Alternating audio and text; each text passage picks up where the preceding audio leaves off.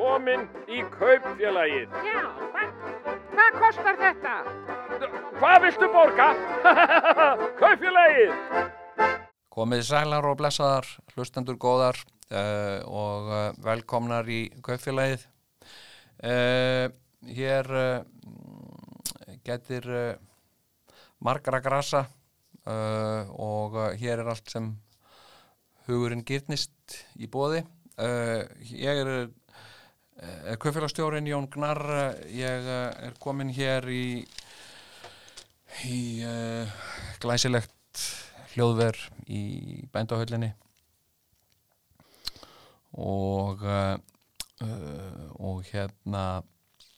uh, ætla að taka hér upp uh, nýjan þátt. Og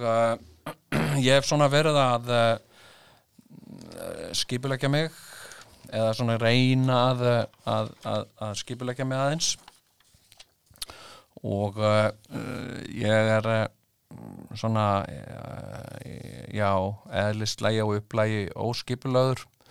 uh, eða óskipulaður, ég er reynilega sko kátískur uh, hérna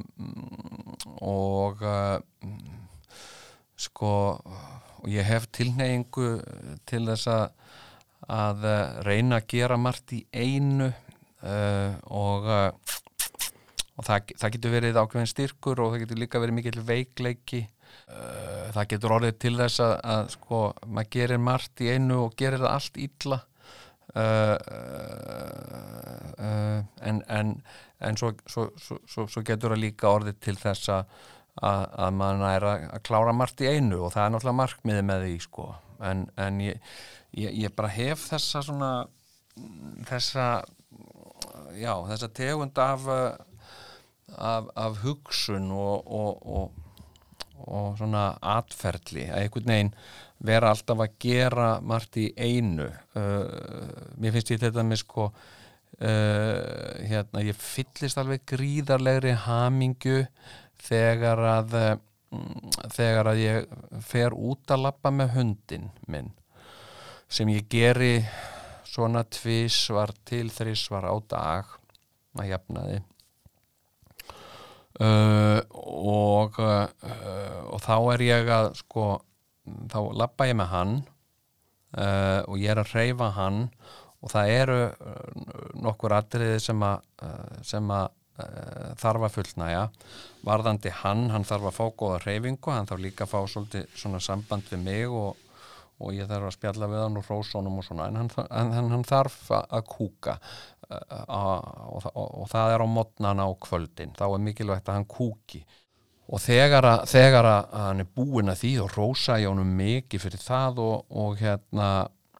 og síðan fær hann verðlön sem er þá uh, leikur með, með uh, ég má ekki uh, má ekki segja rétt orðið vegna þess að hann uh, liggur hérna hjá mér og hann uppveðrast allur ef að ég segja þetta. En, en þetta eru svona litlir uh, gúmiknettir sem ég þeiti með sérstöku, uh, sérstöku stykki sem ég með. Gett kastað þeim alveg 200-300 metra og hann æðir á eftir þeim og sækir það og, og kemur með þá eftir til mín þannig ég get eftir þeitt þeim og, og þetta finnst honum eitthvað eitthvað skemmtilegasta sem, sem hann veit uh, og uh, og hérna en á meðan ég gerir þetta uh, gangutúrarnir mínir eru þetta svona 30-40 mínútur og meðan ég gerir þetta þá er ég að hlusta á hljóðbók eða podcast hérna og, og það þriðja sem ég er að gera þarna í legin líka er reyfing fyrir mig. Og ég reyni að reyfa mig uh, aldrei minna en uh, svona klukkutíma á dag þar að segja í, í göngu. Uh, og, og síðan hef ég verið að venja mig á líka sund senda skriðsund en ég hef ekki geta gert það, ég hef ekki geta yfka það náttúrulega á þessum tímum þegar sundlögar eru alltaf lokaðar þannig að, eh, já, mér finnst gaman að gera margt í einu og uh, og hérna og annað líka sem að fylgir þessari heilastar sem er minni það er að það er svona tilneying til að vaða úr einu í annað uh, og missa sjónar á, á svona heldarmyndinni þannig að ég á líka til að tvítaka mig og það er bara hlutur sem að ég sem sagt sko þá er eitthvað sem að ég ætlaði að gera en ég var að gera svo margt annað í, í, um leið að uh, ég man ekki nákvæmlega hvort ég var búin að gera það uh, og uh, þannig að ég svona tvíverknaður er oft uh, eitthvað sem að, sem að ég bara lifi við. Ég, ég hérna ég ætla til dæmis að, að gera eitthvað fara einhvert og, og, uh, og gera eitthvað ákveðið og þetta er oft svona æ, þetta er oft sérkennlega atriði sko. Ég, ég kaupa síu í, í, í eldúsvaskin hérna mm, og og hérna og ég fer ég hugsa ok, nú fer ég þarna og og upp í tengi þarna í Kópavogi og, og kaupi svona síu og bara klára þetta. Svo fer ég upp í tengi og, og hérna og uh, tala við þau þar og uh, og þá kemur í ljós að að, að þessi vaskur þessi krani hann er úr IKEA og, uh, og starfsfólki þar einhverju mun að ég hef komið áður til að vera að leita þennan okkur þessum síu. Og uh, en síðan fer ég í IKEA. IKEA er náttúrulega ennþá lengra að fara fyrir mig. Það er uh, lengst söður í Garðabæ og, og, og ég, hef, ég reyni að, að, að forðast að fara ánga nema í nöðsilega þurfiðins og en síðan gerist það stundum ég þarf að fríka þá mann ég ekkert eftir þessari síu. Þannig að þetta er svona æjá, þetta, þetta, þetta hefur sína kosti og sína galla sko en þetta gefur líka svona ákveði skemmtilegt svona sko ákveðina tegund af, af hugarflugi sem að sem að sem að hefur náttúrulega gert mig að, að, að þeim sem ég er svona, svona faglega sem sem, sem útvarsmaður eða, eða, eða svona uh, sprellikall að mæta í, í, í, í sjómanstætti og, og, og bladra eitthvað og, og fólk er alltaf að beða um að koma í viðtöl og svona, ég reyna að vera skemmtilegur og þá nota ég mikið þetta hugarflug svona æmitt að vaða og reyna í annað og það líka oft kemur óvart, kemur sjálfu mér uh, oft gerðnaðan mest óvart. Uh, en uh, já, ég ætla sagt, ég hef búin að gera hérna prógram fyrir hennan þátt, þannig að ég get uh, svona sagt ykkur hvað ég ætla að, ætla að takast á við taka fyrir ég ætla aðeins að ræða um sko svona aðal þema síðasta blad sem sem að var svolítið matvæla öryggi á Íslandi og uh, ég uh, ætlaði að gera það í síðasta þætti en, uh, en, hérna, en fór á ákveðu hugarflug og fór að tala um eitthvað allt annað og, og síðan þetta líka, svo er maður náttúrulega líka bara misjaflega upplæður og það er bara þannig sko, og þarna og þarna spilar náttúrulega svefnin sérstaklega þegar maður er svona komin á þennan aldur þar að segja 50 pluss þá, þá fer svefnin að að vera eins og, eins, og, eins, og, eins og sagt er á góðri íslensku uh, make or break fyrir daginn sko. stundum bara stundum bara ef ég sé að vila einhverja hluta vegna uh, uh, þá bara uh, er ég ekki upplæður en svo sef ég vel að þá er ég mjög vel upplæður og nú, nú er mitt í nótt svaf ég einstaklega vel. Og ég hef alla tíð átt erfitt með svefn eða svefn hefur verið mér áhyggju efni og, og til trafala fyrir mig uh, og, og sérstaklega sem, sem, sem sko unglingur og, og ungur maður sko þá þá uh, gekk mér illa að sofa og, uh, og þetta er náttúrulega líka hluti af þessum brestum hva, svona þessu uh, sem, sem, sem, sem kallað er uh, ofvirkni uh, og, uh, og ég vil svo sem ég, ég, ég, ég fælst endileg ekkit á þau hugtök sko að aðtiklisbrestur og ofvirkni eins og ég segi þetta hefur sína kosti og sína galla. Uh, og ofvirkni er náttúrulega líka bara uh, svona sko nútímalegt orð yfir sko dugnað. Uh, ég er alveg óhemju uh, duglegur þegar að ég og ég er líka bara uh, ég ber það í, í genunum á mér. Uh, ég hérna er komin af bara óbóðslega bara alveg harð duglegu fólki og uh, fólki sem að, þurfti bara að, að vinna öllum stundum og hafa fyrir hlutunum og, og bara langt aftur í aldir. Pabbi minn var alveg gríðarlega duglegur maður og, og hann var heljarmenni og, og hérna og, uh, og síðan í þessu nútíma samfélagi þá, þá er, er ekki alveg eiginlega þörf fyrir allan hennan mik mikla dugnað og, og hérna og maður situr svolítið uppi með hann en hann er manni meðfættur hann uh, það er svona það er svona framkvæmda gretta uh, sem brennur í manni og, og uh, þannig að, að og, og svefnin svolítið hérna hefur bæði sagt út af framkvæmdu mætt, mætt afgangi hjá mér og, og oft út af vinnu. Og til minnst er ég að byrja hefja minn feril sem grínisti sko þá, þá, þá hafði ég það ekki aðalstarfi, ég var uh, starfsmæður á, á, á landsbítalanum og, uh, var reynlega sagt sóknarkona. Uh, ég var í, í, í verkakvönafélaginu sókn og var, var starfsmæður á, á, á, á geteldónum og, eh, og síðan var ég leigubílstjóri og, og, og og grínið var svona uh, svona tómstundagaman uh, ég vann mikið, ég vann stundum tvöfaldar vaktir og þá var ég kannski að vinna frá 8 á mótnana til, til 8 á kvöldin. Uh, kom, þá, kom þá heim og, og reynda að eða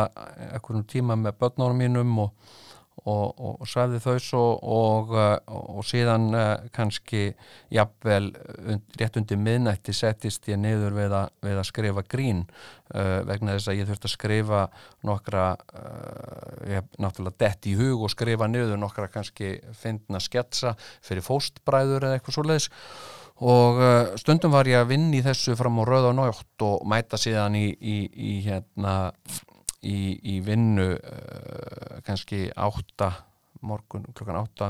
næsta morgun og, og, uh, og fjögur, fimm á nóttunni og þetta gerðist mjög oft, kannski fjögur, fimm á nóttunni og, og líka þegar maður fer á svona hugarflug og er að vinna svona mikið svona í hugsunum láta þetta dett í hug, fá hugmyndir þá þreytist maður á, á, á, á þreytist maður það veldur þreytu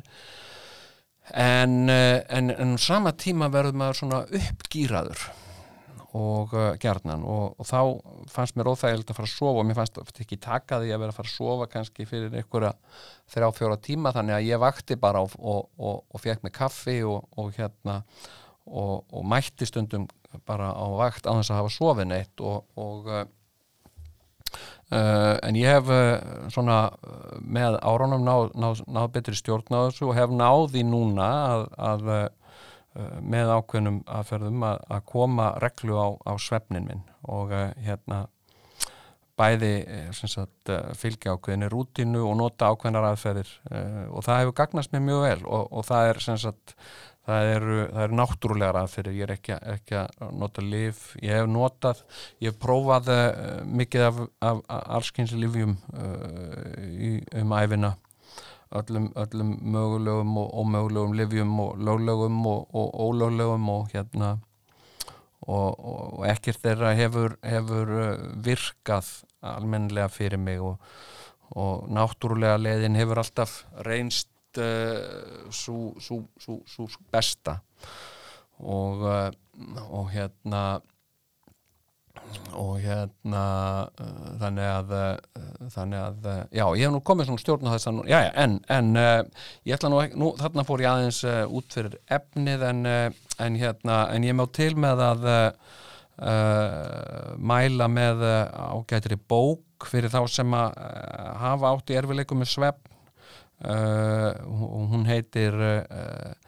uh, Why We Sleep Unlocking the Secrets of Sleep eða af hverju sofum við? Uh, hérna hérna uh, uh, leindardómar svepsins. Uh, og uh, hún algjörlega uh, hún, hún alveg gjörbreytti mínu sveppmunstri til eins betra og ég hafi mjög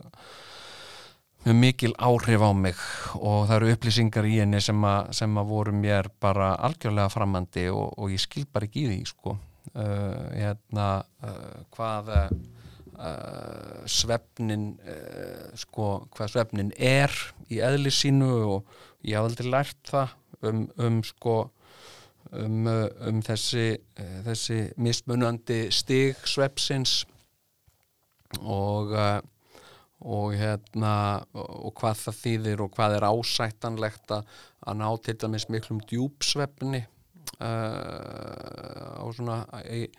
í, í, í svona venjulegum svefni og, uh, og hvað er gæðasvefn og, og hérna Uh, og ég, ég bara já, ég uh, heldi mér í þetta og, og, og, hef, og það hefur verið mér til mjög mikill að bóta, þannig ég mæli með þessari bók. En en hérna, ég ætla aðeins áður en að ég byrja að fletti gegnum okkar ágæta, ágæta nýja blað að þá langar mig að ræða eins um þetta, þessa umræðu sem var hérna og hefur verið undanfarnar vikur. Uh, um mikilvægi þess að við tryggjum uh, matvæla örgi hérna á Íslandi og sérstaklega í ljósi þessa heimsfaraldurs sem uh, gengið hefur yfir landið og, og, sko, og mikilvægi þess að við, við eflum innlenda matvælaframlegslu og það er bara held ég uh, ég held að hljóti að vera bara öllum ljóst að, að það er mikill, mikill akkur í því. Uh, hér erum við að uh, með einstök tækifæri til matvælaframlegslu bæði, bæði til ræktunar og, og sagt, matjurta og, og hérna og dýra tækifæri sem að, sem að mér finnst við alveg uh, eiga uh, sko uh, völ á og, og hérna sko varðandi, varðandi íslenskan matvörur og þá, þá hef ég og, ég og ég, mér finnst svona al flestir svona sem að ég, sem að ég þekki velja það að reyna að, að velja íslenskar vörur uh, fram yfir innfluttar. Uh, nema kannski í þeim tilfellum þegar að, þegar að sko, íslensku vörurnar eru uh, áberandi slakari að gæðum eða, eða uh, miklu dýrari heldur en heldur en sambærileg innfluttvara. Og, og, og þar ræður nú stundum sko þar ræður nú stundum buttan uh, för. Uh, og, eh, og hérna og svo er það líka þannig að, að þú veist, þótt við viljum velja íslenskt og og, og, og eh, sé mikið í mun að, að velja íslenskar vörur þá, þá, þá er þá er sko uh, þá, þá er fólk ekkert endilega að kaupa eitthvað bara því að það sé íslenskt sko, það verður líka standast svona almenn viðmið um gæði og, og og þar finnst mér stundum uh, svona uh, svona uh, tækifæris sinnaðir framtaksamir einstaklingar oft ætla að að svona notfæra sér þetta að, að vita af þessari ég var allins bara, ég var í krónun í gær og og mér vantæði tómata. Uh, tómatar eru uh, merkileg planta uh, mer mer merkilegur ávöxtur sko, tómatur er sko sem sagt sko líffræðilega sko er, er tómaturinn ávöxtur en ekki grænmeti. En við skilgreinum tómat sem, sem grænmeti vegna þess að við, við sagt, borðum hann sem hluta af salati. Uh, og, uh, og hérna uh, en tómatur er, er, er, er, mest jætna grænmeti í heimi. Uh, og, uh, og sjálfur, hann er bæði hollur og hann er góður og, og, mm, og, það er margt, margt nýtanlegra hérna, bætiefna í, í, í tómutum Uh, og uh, ég get mikið á tómutum og ég fór að fara hérna í kronunni og, og ég fór að skoða uh, ná mér í tómata og, og, og ég vil velja sagt, íslenska tómata og, hérna og skúfan sko með íslensku tómata það var bara eitt pakki eftir þar. Það var bara, það var bara einn pakki eftir af, eitt pakki eftir af, af hérna af íslenskum tómatum en við hliðina voru innflutur tómatar og það var allt tróð fullt og, og það sýnir mig bara líka að það, þetta er ekki bara ég, þetta eru svo margir, þetta er það sem að fólk vil, fólk vil styðja við íslenska framleiðslu og uh, þannig að hún megi vaksa og dafna og, og hérna uh, uh, og, og, ég, og mér er alveg sama þó að, þó að ég er ekki einu svona pælið í, ég er bara tómatar og ég er ekki að pælið í hvort að, að, að innflutu tómutöfni séu hugsanlega uh, eitthvað ódýrari. Uh, uh, og, og þetta sem fólk segir stundum líka sko að, að maður heyri stundum fólk fleiði því fram að, að, að Íslensk grannmeti sé svo bræðlaust og, og maður finnir munin á því þegar maður er,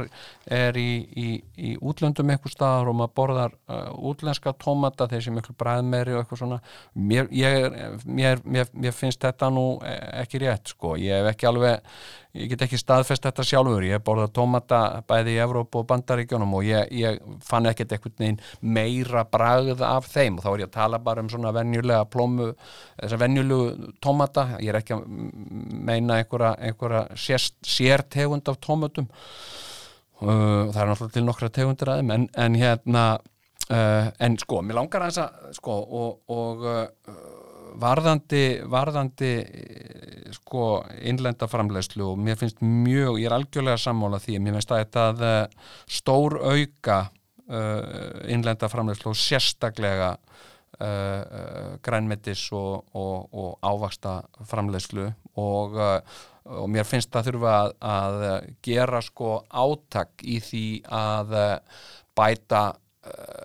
kjör og aðstæður grænmetisbænda. Uh, gróð, gróðrúsabænda uh, til þess að, að, að standa í sínum rekstri og það þarf að gera það sko með,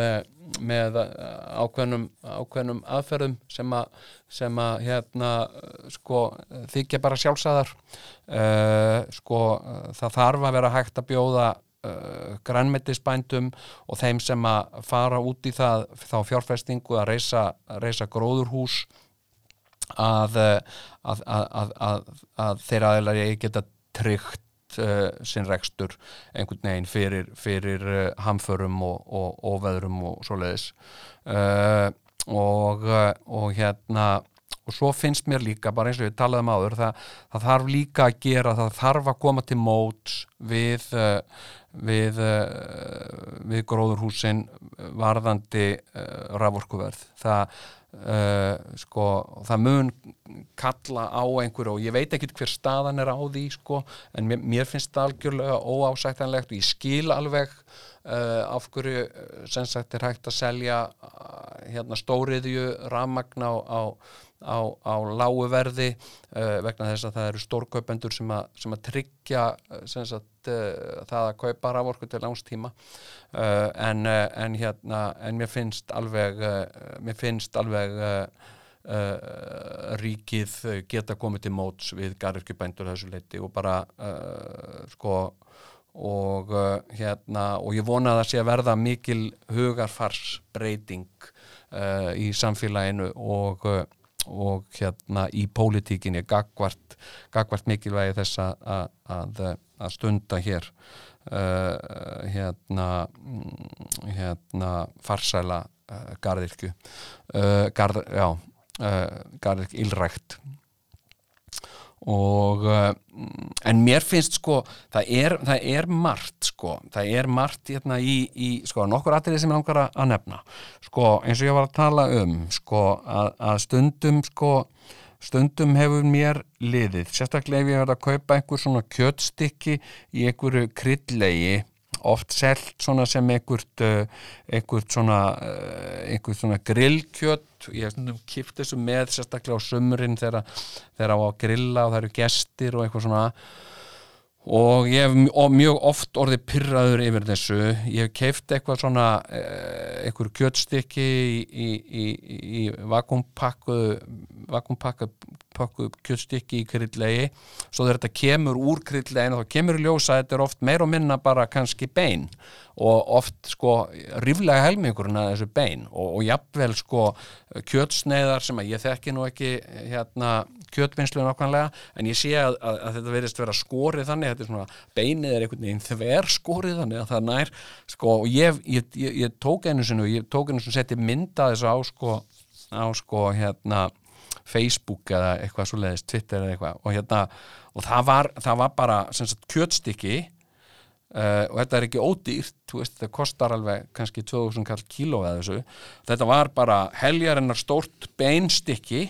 með svona kjöttæjum á endunum þetta, þetta sætti ég mig ekki við og þetta held ég að þetta, þetta, sko, og þetta gerir mikinn skada vegna þess að, eh, að hérna uh, og þarna er, þarna er fæ ég á tilfinninguna að það sé verið að selja mér uh, uh, köttin í, í seknum og, og, og ég hef nú búið til dæmis í, í ég hef búið í, í bandaríkjónum bjó, hef tvisasunum tvö tíma til bíl búið í, í Texas og, og þar hef ég keift svipaðar vörur hérna, uh, hérna sem eru sko svona kjött í einhverju marineringu einhvern grillkjött og, uh, og ég hef ekki lent í því. Ég, ég hef aldrei orðið svona svektur ég bara keift eitthvað svona og svo tek ég út upp og þá er þetta meira og minna kjött uh, hérna og, og kannski einhver bein en, en þau eru þá í minna lagi. Og þetta finnst mér þetta, þetta finnst mér mjög ósangjant og hérna uh, og, uh, og hérna og auðvitað sko er alls konar svona, þú veist, það er alls konar hlutir sem hættir að kvarta yfir og eins og, og a- a- avocado til dæmi sem að kaupir kaupir fimm avocado og eitt af þeim er ætt. En ég meina, þú veist, það er bara hlutur ég meina, það er engin leið að kíkja inn í þetta og hérna og þetta verða að flytja þetta um langan veg og, og, uh, og ég er svona sem þekki ekki þekki ekkert prósessin þarna á bakvið þetta og, og hérna uh, en, en ég veldi fyrir mér til þú veist, er það eitthvað avokado eða heitir þetta ekki lárperur á íslensku, ég meina, er þetta ekki eitthvað sem að við ættum að geta ræktað hér? Og, hérna, uh, þetta er gríðarlega holt og gott og seðjandi og, og sérstaklega maður er reynin að geta salat sko í meira magni þá, þá er þetta seðjandi meira seðjandi heldur en heldur en, eh, heldur en löfblað salat löfblað en hérna uh, síðan, síðan er sko eitt sem ég hef mikið velt fyrir mér og ég, ég hérna sko uh, hérna ostarnir okkar. Uh, og nú, nú, er ég, nú er ég alls ekki já, já, og ég vil ekki reyna að segja ég vil reyna að segja þetta á þess að, að særa neitt eða, eða, eða vera með ómaglega gaggrinni en hérna sko hérna uh, sko ostarnir okkar uh, sko mér finnst uh, og, og, og í minni fjölskyldu hérna ostar njóta mikill að vinsælda og og sömur vilja svona ost og aðrir vilja hins einn ost og og, og hérna mm, sko uh, og uh, og fólk sko hérna ostar heita eitthvað, þeir heita ákveðnum tegunda heitum eins og gáta og, og hérna og uh, já, það bara, það bara matvörur heita ákveðnum ákveðnum, ákveðnum nöfnum og, og, og, hérna sko uh, eins og og, og, pilsner, þetta er líka bara svolítið svona uh, hérna kunnáttuleysi, bara eins og, eins og pilsner. Hérna sko uh, sagt pilsner er bara drikkur sem er framleitur kemur frá tegund af bjór sem kemur frá ákveðnu svæði held ég í Júgoslavi ef ég mann rétt sem heitir bær sem heitir Pils uh, hérna, og er bara ákveðin svona tegund, svona yfirheiti yfir ákveðin, ákveðina tegundir af, af, af bjór. Uh, þannig að kalla bara til eina tegund af bjór pilsner er, er svolítið, svolítið sko uh, hérna uh, kjánulegt, það er, það er svolítið eins og að kalla bara sagt einhvern kjúklingarétt sem að maður selur í einhverjum kryddglusa kjött hérna kjött-kjött hérna uh, sko uh, þetta er tegund, þetta er kjúklingur. Alveg eins og pilsner er, er ákveðin tegund af, af uh, já, en, en hérna og, og sko og þetta er sko hérna með ostana sko. Ég, ég sko þú veist, ég veit alveg hvaða hvað, hvað, hvað er hérna Old Amsterdamer og, og, og Gáta og, og svona ostar eru. Ég veit svona okkur megin og það er eitthvað sem segir við mig í fjölskyldunni þegar ég er að fara að kaupa inn og sérstaklega þegar öll börnin mín bjúku heima. Hérna getur þú keift svona gátaost? Já, já, gáta, ok sko, svo eru íslensku ostatnir og þetta er líka bara ákveðin tilneying hjá okkur íslendingum að, vera með nýjirði og búa til íslensku orð yfir, yfir erlendarsluti uh, og, uh, og þetta er sko varðandi þess að svo okkur nýjirðasmíði að þá uh, þá hérna sko finnst mér hún góð uh, svo langt sem hún nær, svo famalega sem hún veldur ekki misskilningi. Og, uh, og ég er alveg spennt á þetta eins og við sambandi við sjúkdóma, við eigum ekki að vera að finna upp einhver sér íslensk orði við sjúkdóma. Uh, þannig að fólk eigi að geta gert sér skiljanlegt sem sagt ef það er haldið þessum sjúkdómi og það viti hvert er svona nokkur með það sem alþjóðlega heitið á sjúkdóminum er. Og, og og ég nefnt til dæmis legslímuflakk uh, að kona sem að, sem að þjáist af, af, af þessum sjúkdómi uh, sem heitir nú eitthvað á, á hérna, öllum tungumálum ef að hún verður fyrir sagt, fær kast og verður fyrir heftalegum enkjænum til dæmis í Þýskalandi eða, eða í ennskumalandi landi að hún geti gert sér skiljanlega að hún geti sagt við fólk sjúkrafólk hvað sé aðinni hérna eh, með, skjót, með skjótum og, og skil, skýrum og skilverkum hætti og mögulegt er. Mér finnst það mjög mikilvægt. En, en svo varandi ostan okkar, sko, við erum með eh, sko osta sem að, sko, við erum með, með afburða góða framlegslu, innlenda ostaframlegslu. En af hverju heita þessir ostar þú veist, orðum eins og góðostur, brauðostur, samlokuostur heimilisostur af, af hverju? Af hverju mátu ekki bara heita? Þetta eru allt einhverja tegundir uh, hérna uh, sko ef að ég ætla ég ætla hérna uh, sko eða minnstakost ég teki eftir þessu sko til dæmis með kótasælu kótasæla finnst mér ágætis þýðing á cottage cheese hérna og, uh,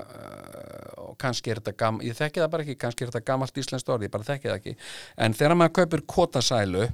þá stendur svona í svega Uh, undir sagt, kotasæla, svega cottage cheese. Og þá veistu þú sérstaklega ef þú ert að, ef þú ert að hérna, vinna einhvern matrétti eftir einhverju uppskrift úr einhverju bók, erlendri bók sem segir þú er að hafa cottage cheese. Og það er ekkert allir sem vita það. Já, býtu cottage cheese, hvað er það? Hérna, kotostur. Hérna, til eitthvað sem heitir kotostur, nei, það er ekki til. En, en það stendur cottage cheese er kotasæla, já, já hérna uh, sko uh, hérna uh, og mér finnst það eins og með þess að mér finnst allt í lagi veist, mér, finnst, uh, mér finnst ísbúi til dæmis uh, ágætur ostur og, og hérna hann er svona bræðmikill og góður ísbúi en það mætti alveg standa í svega sagt, uh, fyrir neðan. Hvað hva, hvaða alþjóðlega ostategund er þetta? Þetta er náttúrulega allt saman einhver og ég hef það soldið á tilfinningunni að sko góðostur, brauðostur og samlokostur, það sé allt meira minna frá sami osturinn. Hérna ég hérna uh, sko ég, ég hef svona ég, ég, hef gefin fyrir svona bræðmikið og stert uh, og ramt og súrt og, og svona, ég bara, er bara þannig gerður og, og hérna og allt svona sem er svona mild og blend það, það finnst mér allt meira og minna bræðlöst og ég finn engan bræðmun og hérna þetta finnst mér að mætti bara laga og, og, hérna, og ég sé að, að það er byrjað, veist, það er komin á markaðin sko, íslenskur gáta ostur og mér finnst það bara fínt uh, og ég, ég, ég, ég sé engan stóran skada af því að við framleiðum vörur sem, sem bara fullnæja alþjóðlegum viðmiðum um, um, um, um heiti þannig að fólk viti hvað það er og sérstaklega þegar, þegar við erum að byggja afkom okkar svona mikið á, á uh, ferðamönnum Uh, sko að ferðamenn geti farið í búðir og, og þeir þurfi ekki að standa með góðost og horfa og vita ekkert hvað þetta er sko. Hérna, uh, þannig, að, þannig að hérna og, og síðan náttúrulega með, með innflytjandum það er náttúrulega það er 10% þjóðarinnar er innflytjandur og, og það fólk á líka bara skilið að, á rétt á því að geta skilið hvað það er að kaupa. Og og svo er, og svo er annað líka sem að, sem að eh, varðandi sko, þetta er allt hlutir sem að sko, svona, eh, þarf að vera bara þetta þarf að vera bara heiðarlegt og reynu uh, hva, hvað er hvað þegar kemur að mat og, og sérstaklega á tímum núna þar sem fólki er bara mjög meðvitað um sem sagt matinn sem það er að setja ofan í sig. Það hefur bara ákveðna skoðanar á því hvað það er að borða og hérna og hérna Uh, sko, svo, svo, svo er annað hérna uh, ég hef náttúrulega farið sko út og söður í, í, í svona uh, mataræði og, og ég hef verið verið vegan eins og hefur komið fram og ég rættur því núna en sko mín uppáhalds Uh, sko matargerð það er að segja uh, sko hérna uh, svona eftir þjóðum myndi ég segja væri, væri þýsk matargerð. Hérna sko mér finnst þýskur matur og ég veit ekki það er bara eitthvað sko ég er einhvern veginn sko svo þýskur í mér Uh, alltaf þegar ég er í Þískaland og ég er svolítið mikið í Þískalandi reyndar. Ég fer mikið til Þískalands og, og uh, uh, bækurna mínar eru, eru, eru þýttar og þísku og njóta nokkuð, ég töluverðar vinsælda í Þískalandi þannig ég er oft beðin um að taka þátt í bókmentaháttiðum og upplesturum og, og, og svona ýmsum ráðstefnum og ég hef svona tengst ýmsum aðilum í, í, í Þýskalandi og þetta hefur líka mikið haft að gera með svona pólitík uh, sko svona þetta pó, mitt, mitt uh, pólitíska æði hérna 2010 til 2014 það, það vakti náttúrulega aðtikli út fyrir landsteinana og, og alveg sérstaklega í, í Þýskumalandi löndum og ég Uh, fer mikið og ég bara sko, það er svo skrítið. Til dæmis, ég, var, ég tók þetta því þegar ég var byrjaði að fara svona með hérna eh, fyrir 20 árum síðan 25 árum síðan uh, með, með fjölskyldunni í sólalandaferðir uh, til Suður Európu og Kanaríæja uh, þegar að ég var á gangi eitthvað staðar þá heilsuðu þjóð, þjóðverjar mér. Hérna gútunar abend og hérna gútunar abend og hérna vegna þess að þjóðverjar heldu gert að ég væri þjóðveri og, og ég hef komist að því að ég er svo þýskur uh, í útliti að þjóðverjar sjálfur halda að ég sé þjóðverji. Og uh, hérna og mér líður stundum í Þýskalandi eins og ég sé bara ég er heima og hérna uh, og ég hef alltaf verið mjög hrifin af af Þýskalandi og, og þýskri menningu, þýskri tónlist, kvikmyndager, sjómvarpi og uh, og hérna uh, hún talað tala til mín uh, uh, og uh,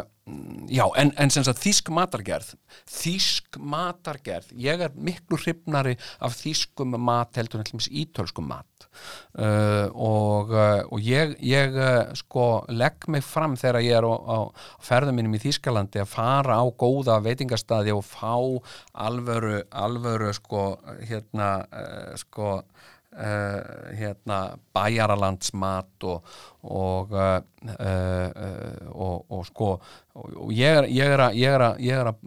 borða knudl og, og hérna og bratkartófel og þýskir kartöblurjettir og, súrkál eða sáerkráts og hérna en en sem sagt á toppinum á þessum fæðupyramíta trónir sko uh, hinn fullkomni matréttur af mínum dómi og það er snitsel. Uh, ég myndi segja það ég gæti lifað á snitsel bara það sem ég á eftir ólifað. Uh, og snitsel er, er fyrir þá sem ekki vita það vita náttúrulega allir hvað snitsel er en það er sem sagt uh, sko kjött eða jafnvel uh, grænmetistikki sem, sem veldir upp úr bröðraspi og stekt síðan á pönnu eða djúbstegt og uh, og hérna uh, snitselheimurinn hann er uppfullur af alls konar tegund, tegundum af snitsel. Uh, uh, það er það er til dæmis vínar, vínarsnitsel sem að sem, sem er sem, sem kálvakjöt sem er oft í mjög stórum sneiðum sem er, er gerðan djúbstegt og, og hérna uh, og svo er önnur tegund af, af snitseli sem er svínakjött uh, sem er matreitt með svipuðum hætti. En það, að því það er ekki kálvakjött þá, þá, þá heitir það ekki vínarsnitsel, það heitir, heitir jegersnitsel eða, eða veiðimannasnitsel. Og, uh, og hérna og sko og ég hef getið alls konar snitsel. Ég hef getið hérna græmetisnitsel, ég hef getið krókudílasnitsel og uh, og uh, kjúklingasnitsel og kalkúnasnitsel og, og allt, allt mögulega snitsel. Uh, ég hef stundum séð í kjötborðum verslana uh, hérna verða bjóða upp á vínarsnitsel. Uh, vínarsnitsel og hérna mm, sem sagt uh, hérna og, og, og það er þá það er sjaldnast eða bara aldrei alvöru vínarsnitsel, það er ekki kálvakjöt, heldur yfirleitt svinakjöt uh, sem er velt upp úr raspi og, uh, og, og, sagt, uh, og gjarnan með beini. Uh, hérna, og það, þetta er eins og langt frá því að vera vínarsnitsel og hægt er. Og það sem meira er að sko vínarsnitsel er sko lögverndað heiti. Það hérna uh, sko Uh, hérna og það hafa fallið dómar í, í, í, í vínarsnitselmálum uh, og, og ég held að ég sé að fara með rétt mál þegar ég segja að það er bara Östuríki sem að má framleiða matarétti og kalla það á vínarsnitsel og þetta er svipað svipað uh, lögvendað uh, hérna uh, vöruheiti eins og, eins og við hefum lögvendað vöruheiti skýr Uh, og, og, og, og við tökum því nú óstind upp ef að, ef að menn þykjast alltaf að, að, að framlega skýr annar staðar og hérna og eins er, er með austuríkismennin þeim er kannski meira sama að við séum að gera þetta en hérna en hérna en, en, en vínarsnitsel sko uh, snitsel, það er þetta að segja alls maður getur velt öll upp úr bröðraspi og sagt að það sé snitsel hérna en vínarsnitsel er, er Uh, það, það sko uh, í fyrsta lagi þá, þá má ekki gera það sko strangtiltekið og, og hérna og, og síðan er það ekki vínarsnitsel sem sagt uh, hérna ef það er ekki kalvakjött og, og ef það er ekki beinlaust. Hérna svínakjött með beini er aldrei vínarsnitsel ekki frekar en pilsner er pilsner. Sem sagt sko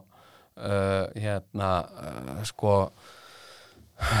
Já, þetta er bara, þetta er bara, þetta er bara ákveðin tegund og, og þetta finnst mér uh, þurfa að vera bara umræða um uh, og við erum að vera óhætt við að,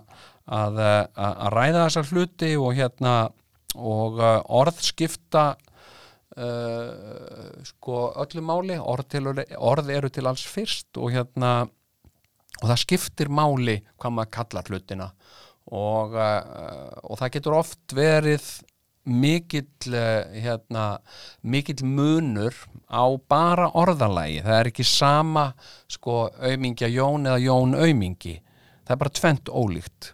Þannig að hvernig við segjum hlutina uh, það skiptir máli. Og, og, og mér finnst það vera eitthvað sem að ég vil minnst ástu vekja aðtikla á því að við, við hérna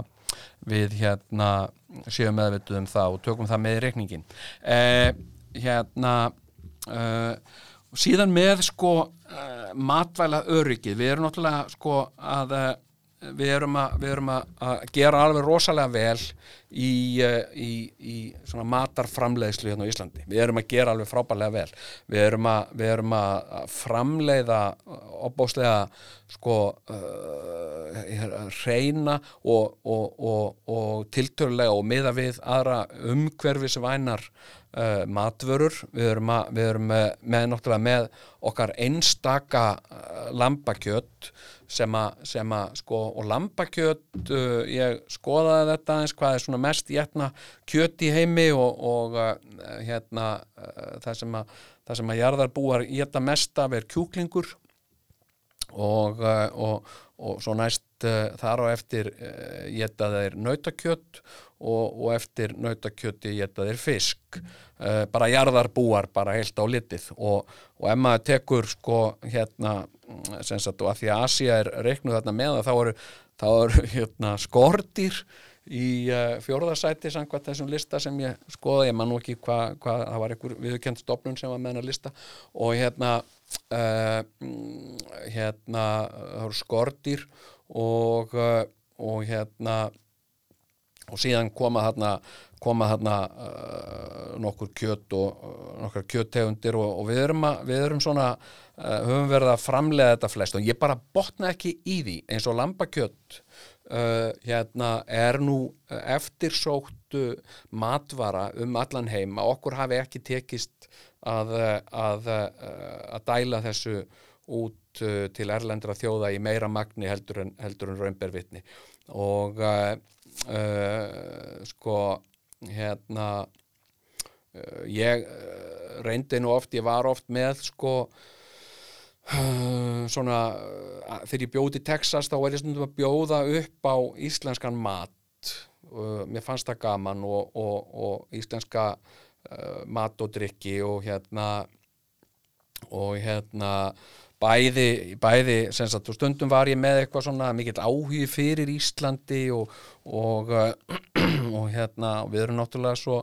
fá og sérstök og svona og, og hérna uh, og ég fann þeim þessi Texas mikla, mikla, mikla, mikla væntum þykju og virðing og áhuga fyrir landinu minnu og þjóðinu minni. Uh, uh, og ég reyndi að vera með vera með svona, stundum varum í gesti og, og, þá vildi ég bjóða svona upp á eins mikið íslenskt og ég mögulega gatt og ég, ég smiklaði nú einu sinni sko, uh, ég smiklaði einu sinni livrarpilsu uh, það var nú eitt það, það sem ég saknaði uh, einna mest frá Íslandi, það var livrarpilsa uh, og, og hérna Uh, og ég smiklaði henni uh, sagt, held ég ólöglega bara í handfárangri uh, þremur keppum og, og svo var ég að gefa fólki að smaka og svo var ég með hákall og, og, og þetta náttúrulega fekk ég senda heiman og harðfisk líka og svo er náttúrulega eitt sem er mjög sérstakt fyrir okkur þegar kemur að sælgæti og við eigum það svo sem sameigilegt svolítið með, með öðrum Norðurlanda þjóðum, sérstaklega svíum og dönum. Það er lakrís Uh, Amerikanar uh, er ekki svona mikið lakrísfólk eins og við og, og hérna geta, geta bóðið upp á sko leverapilsu og, og, og hérna og hákall og svo lakrís í eftirrétt með kaffinu. Þetta uh, fannst fólki algjörlega stórkostlegt og hérna það er svolítið fyndi Texas Texas búar eins, eins skringilegt og það kannar hljóma þau eru svolítið lík okkur að mjög mörgu liti sko. Hérna uh, og það kom mér svolítið mikið á óvart. Þau er til mis opbóslega upptekinn af því að vera alltaf að sko hérna sko Texas fylki er, er langstærsta fylki bandaríkjana og það er svona sérstakt í læginu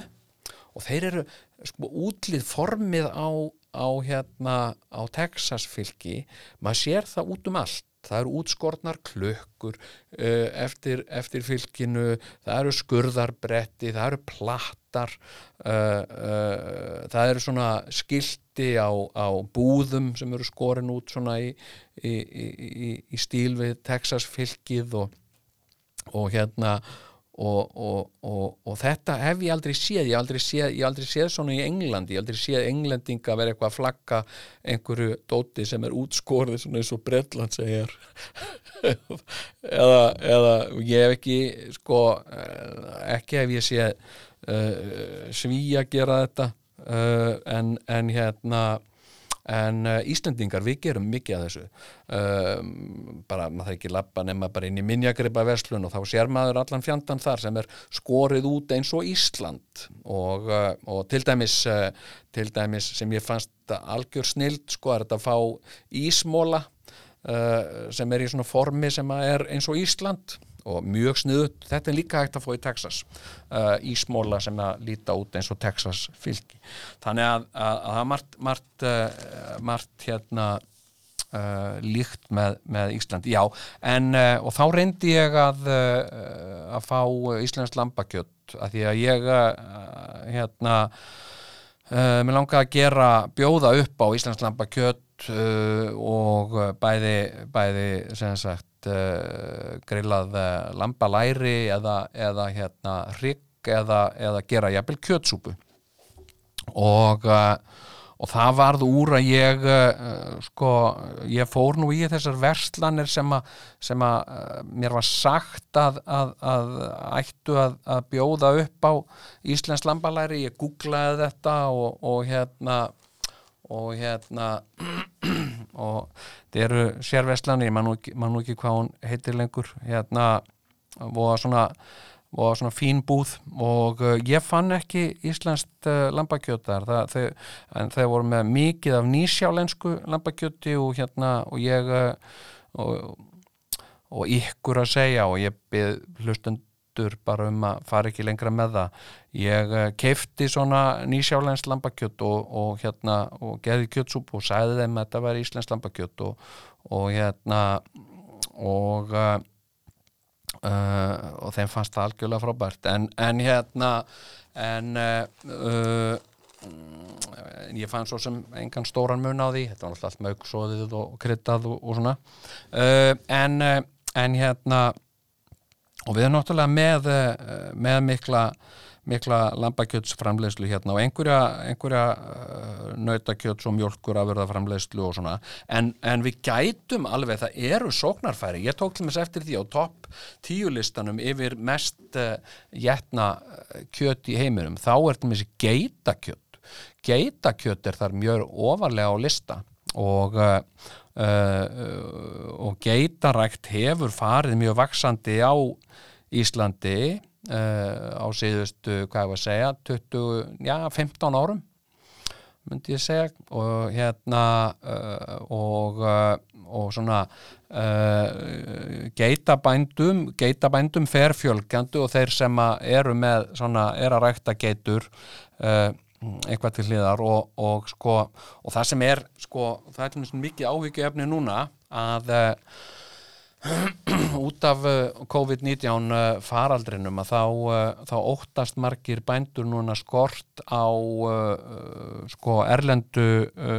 vinnuafli núna í söðburði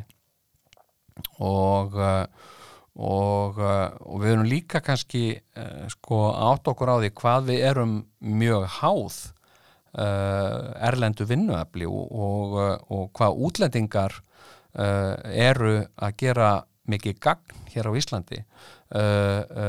Þeir eru hér um allt samfélagið að gera alls konar gagn og taka þátt í samfélaginu okkar og taka þátt í því að gera landu okkar betra og, og, og, og til að hjálpa okkur að ná þeim markmiðum sem við erum að setja okkur og hérna og það finnst mér líka bara mjög gott. Það er bara flott að, að Að, að það stimplist vel inn í meðvutund þjóðarinnar að, útlendingar uh, eru að mestu leiti til gagns. Þó að maður kynni kannski að, halda annað af, af, af lestri af lestri frétta uh, uh, uh, og mér finnst það mjög leðanlegt hvernig oft er svona komið óorði á, á, á þjóðir með því að flytja engungu fréttir af, af, af, af fólki ef að, ef að fólk frá einhverjum tilteknum löndum uh, tengist einhverju, einhverju, einhverju glæpsamlegu, einhverju glæpastarfsemi og og hérna uh, mér fundist það mjög leðilegt ég oft skrifa bladamönnum og, og ég kvartaði verið svo ofinberlega minnst algjör óþarfi að segja ef að, ef að, ef að drukkin maður kýlir annan mann uh, þannig að hann missi tönn uh, að það þurfa að taka það sérstaklega fram að, að maðurinn sem kýldi hafi verið póluveri mér finnst þetta bara algjör óþarfi. Ég sé ekki að þjónu nokkru meinarsta tilgangi. Uh, hérna, hérna uh, sko maðurinn sem er pólveri finnst þetta bara ekki skipta nokkur einasta máli. Og hérna og þetta sem þetta gerir þetta býr til þá ránkugmynd að pólverjar séu upp til hópa uh, drikkjufólk og, og obeldismenn og hérna hjá mörgum. Og hérna sem er alránt það er bara alránt og uh, ég hef dæmis haft bara uh, töluvert mikla reynslu af, af, af pólverjum á, á Íslandi og innflytjöndum og hún hefur af öllu leiti verði ég, held ég geti sagt fullirt verið góð. Uh, hérna og uh, og hérna uh, ég hef uh, sko á átt viðskipti við, við, við, við fyrirtæki sem að sem starfa á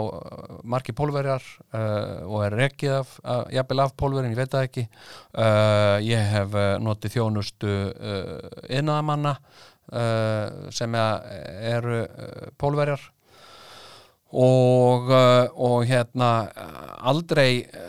hefur neitnað þessum mönnum verið drukkin eða reynd að kílum með tönn, aldrei og hérna þvert á móti verið bara elskulegasta fólk og hérna og, og ég geti sagt margar uh, góðar sög, sögur af jákvæðum kynum mínum af, af, af, af frændum okkar pólverum. En, en hérna en það er náttúrulega stærsti hópur einstakki hópur innflýtenda á Íslandi. Ég held að pólverar á Íslandi sé eitthvað í kringum 20.000 manns og uh, og ég er til og með spenti á það að ná covid.is eh, landlæknis, eh, síðu landlæknis. Ég, ég ger aðtöða sent við af hverju eru upplýsingar, þessar upplýsingar þessar mikilvægu uh, uh, hérna uh, sko hérna þessar mikilvægu lífsnöðsynlegu spurn, hérna, upplýsingar hverju er það ekki aðgengilegar á pólsku? Eða minnstakost á ennsku hérna, og, og það var þá eitthvað sem að sem að gerð var bragabóta á og, og, og það er nú uh, búið að lifta grettistækið í og, og rúfer til dæmis með uh, döglegt við að vera með upplýsingar á pólsku fyrir þá sem er ekki alveg uh, hérna tala ekki alveg fullkomna íslensku því þetta er náttúrulega sértæk orð oft svona læknisfræðileg heiti og, uh, og, ég, ég, þú veist og þetta getur nefnilega komið fólki oft í mikinn boppa uh, hérna hérna sko uh, vinnum minn, góðu vinnum minn hann var í námi í, í Þískalandi í, í hérna í Gísen og lærði þar starffræði uh, starffræði og eðlisfræði. Og hérna uh, og hann var mjög mikið bara að læra starffræði og eðlisfræði. Uh, og svona þýskukunnáta hans svona framanaf var frekar lítil. Starffræði er náttúrulega bara sjálfstætt tungumál og og hérna hann eh, sem sagt eh, læriði svona eh, starfræði hugtök á þýsku og síðan svona svona, svona lámarkshluti eins og góðan dag hérna ég held að fyrsta setningin sem hann hafi lært að segja var ein bírbitte Uh, eða einn bjórtak og, uh, og eitthvað svona þar fram eftir gotunum nema svo kom það fyrir hann einn daginn, hann var satt þetta er, þetta er gríðarlega erfitt nám og hérna uh, og hann satt yfirleitt bara inn í, inn í herberginu sínu á heimavistin í háskólanum og las starffræði og hérna nema svo gerðist það eftir, eftir langa setu að, að hérna hann fekk gríðarlegan eistnaverk. Hann fekk sem sagt bara uh, sko mjög kvalafullan verk í, í, í, í hérna annað eistað. Og uh, og hérna og þetta sem sagt uh, ágerðist bara og, og, og var bara óbærilegt. Þannig að hann, hann sko engdist um og svitnaði af kvölum og hann ákvað að, að sagt leita á spítalan og hann bjó í svona háskóla bæ og þarna var risastort háskóla sjúkrahús þannig að uh, hann dreif sig þangað og og hérna kom þar í afgræðsluna uh, og, og, og þetta er svona eins og við þekkjum afgræðsluna á bráðamóttökunni. Þetta er, þetta er svona kona sem situr uh, bak við svona glerskilrúm og, hérna, og svo er full byðstofa af fólki í misjöfn ástandi sem situr þarna og býður og þú þart svona að tala hátt og skýrt til þess að konan í glerbúrinu heyri hvað þú ert að segja og þá átti hann sig á því og hann hafði ekki bara að hugsa út í það sko. Hann hérna hann hérna vissi ekki hvernig hann átti að segja eista á, á þýsku. Var, þýsku kunnátt að hans náði ekki yfir orðið eista. Uh, hann, hann hefði líklega sko hefðan ekki, hefðan ekki farið í fengið hennan eistnaverk þá hann líklega aldrei þurft að læra hva, hvernig eista væri sagt á, á þýsku. Uh, uh, hérna, en hann gæti sagt hann kunni að segja verkur eða smerte og hérna og hérna uh, og hann sem sagt þurfti með miklu látbræði og útskýringum að, að gera sagt konunni þarna í glerbúrunu ljóst sagt hvað væri að hrjáan og þurfti að útskýra þetta með bendingum og svona. Og það var náttúrulega öll byðstofan farin að fylgjast með þessu þjón, sjónarspili að miklum áhuga og gleði. Að þess að þessi vesalingst þjáði maður var að, var að lýsa því að hann væri sagt, með verk í, í, í, í pungnum. Sagt í það er sem sagt hann vissi ekki hvað hér hann sagði það eru tvö. Hann sagði hann, lísti fyrir henni sem sagt teppi og pungur.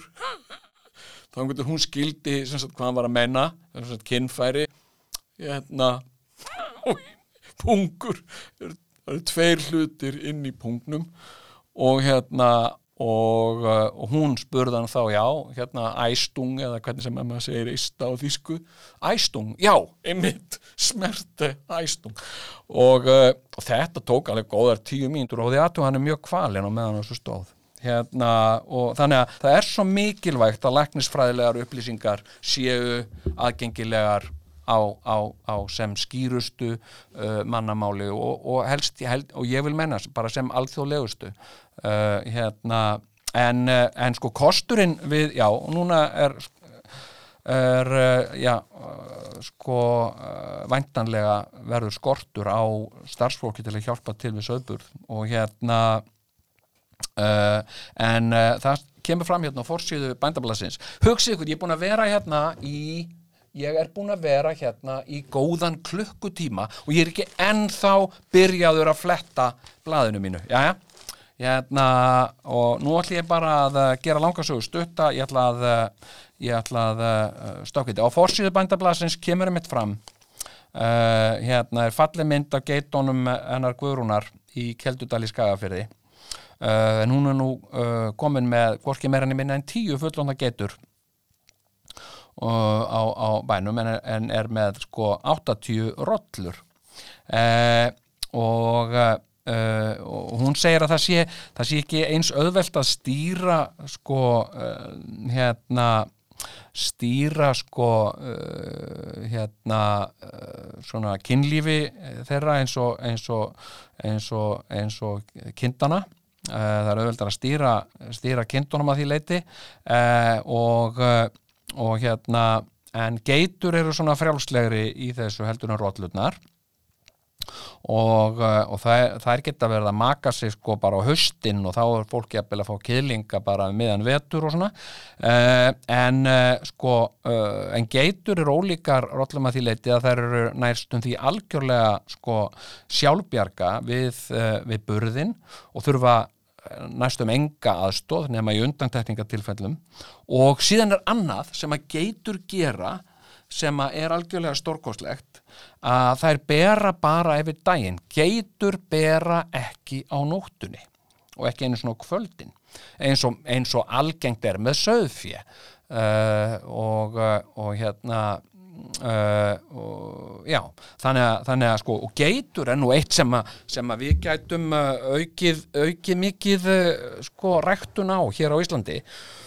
Og, og hérna og síðan er sko önnur önnur skepna sem að vara þessum ágæta lista yfir, yfir vinsælt kjöt í heiminum. Og það er kanina uh, kanínukjöt uh, hérna er eitthvað sem við Íslendingar uh, höfum, höfum lítið getið af og, og, og, og hérna en maður mað fær þetta oft uh, þetta er oft á bóðstólunum í Evrópu Fraklandi til dæmis. Þar er verið að bjóða upp á kaninu þetta og kaninu hitt og, hérna og svona kaninu stöppu og, alls konar. Uh, höfum og kaninur eru sko svona tiltölulega ný tegund á Íslandi. Uh, hérna, en það eru nú orðnar þannig að það er uh, lifa nú orðið sko uh, hérna uh, vildar uh, víða um land sérstaklega það sem er er skóur eða eða, eða, eða, eða raun eða mikil, mikil svona stórurð. Og og hérna og ég hef séð vildar kanninur uh, uh, bæði fyrir norðan uh, ég hef séð þær uh, í barastendasíslunni uh, og og upp í heiðmörk tala náttúrulega ekki, með öskjuhlíðina og, uh, og kanínur eru, eru, eru vildar og alltaf er sé ekki bráðum skilgreindar sem bara einhver ný dýrategund á Íslandi. Mér, ég held að það var er ekki alls konar sóknarfæri í því að- að rækta kanínur til, til manneldis? Má ekki, eða er ein, kannski einhverjur að gera það? Ég held að hljóti að vera uh, mikil, mikil sóknarfæri því og svo hefur svona hérna uh, ræktun á á, á, uh, á kalkunum og öndum og svona, ég held að það hefur farið vaksandi, minnst þú sé ég það sé ég það oft í, í, í kjötborðum veslana að verða bjóð upp og ég þekki þetta nú ekki nákvæmlega. Ég þyrfti að ræða, ég þyrfti að heyra í honum, honum hérna, uh, Simma Vil, vinni mínum hérna hann er orðin pro- propagandamestari fyrir, fyrir, fyrir alifugla og, og, og svinakjötsframleðendur held ég og, og ekkjaframleðendur líka og hérna uh, hérna þannig að þannig að hérna mér finnst það alls konar svona sóknarfari í svona og ég, ég veit náttúrulega sko, ég, ég, er, ég, er, er sko þannig gerður. Ég vil uh, sko, ég vil, ég, ég vil sjá sem, sem, sem flestar uh, nýjar dýrategundir á Íslandi. Og ég veit alveg að það er það er, uh, það er vandasamt verk að, að kynna uh, ný dýr inn í, inn í náttúru Íslands. Og, og það hafi verið gerðar nokkrar uh, tilraunir til þess og, og, uh, og, og sömar hafa missefnast og aðrar, aðrar ekki. Uh, hérna reyndýr voru flutt inn til Íslands fyrir, fyrir hvað 200-300 árum síðan og, hérna og það var bara gert vel og, af áhuga og hérna Uh, og það hefnaðist mjög vel og reyndýr eru nú orðin orðin bara hluti af, af íslenskri uh, flóru viltra hérna dýra. Uh, uh, og, og, og hérna þó að að þessu mjög staðbundin í landinu, þau eru bara á Östurlandi uh, hérna og síðan hafa verið gerðar tilraunir með því að flytja hér inn dýr sko það er eitt dýr sem að ég myndi vilja sko og ég vil með séð hérna nokkrum dýrategundum uh, uh, fara hratt fjölgandi á Íslandi en það er mest fuglar. Og, uh, og ég vil með séð sko uh, hérna uglur eru bara til að verða mjög algengar á Íslandi sérstaklega eftir því sem að skóar verða meiri. Uh, og, og bæði, bæði þessi, þessi venjulega brúna uh, ugla og, og hérna uh, hvað hún heitir turnugla eða eitthvað og, og, og, og síðan snæuglan sko. Og, og hérna og það er ekkert uh, óalgengt að að, hérna sjá uglur, uglur orðið á Íslandi og, hérna og svo hafa náttúrulega alls konar skorkvikindi verið að nema hér land og, uh, það er konu maurar til Íslands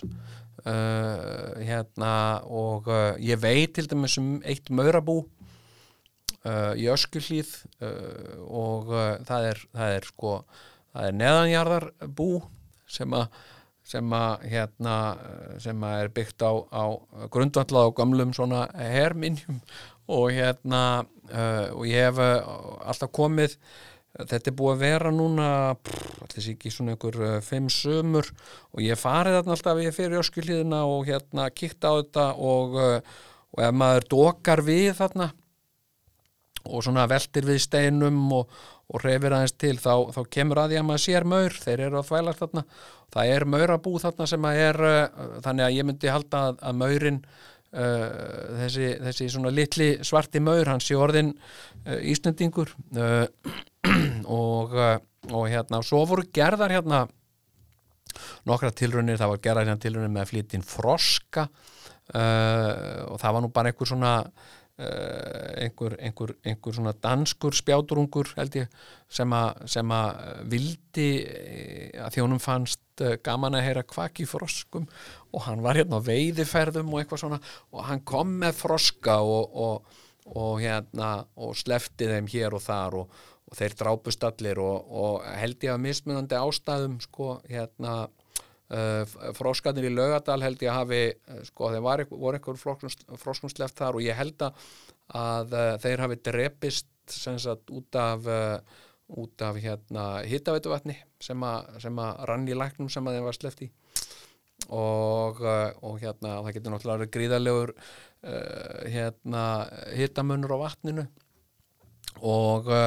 og hérna, og svo var held ég bara held ég hann hefði sleft froskum í þingvallavatn. Þingvallavatn er, er, er allt of kallt sko, það er bara kald, eitt kaldasta vatn í heimi og kaldasta vatn á Íslandi og hérna uh, sko, og þeir, þeir bara frur í hel þar sko,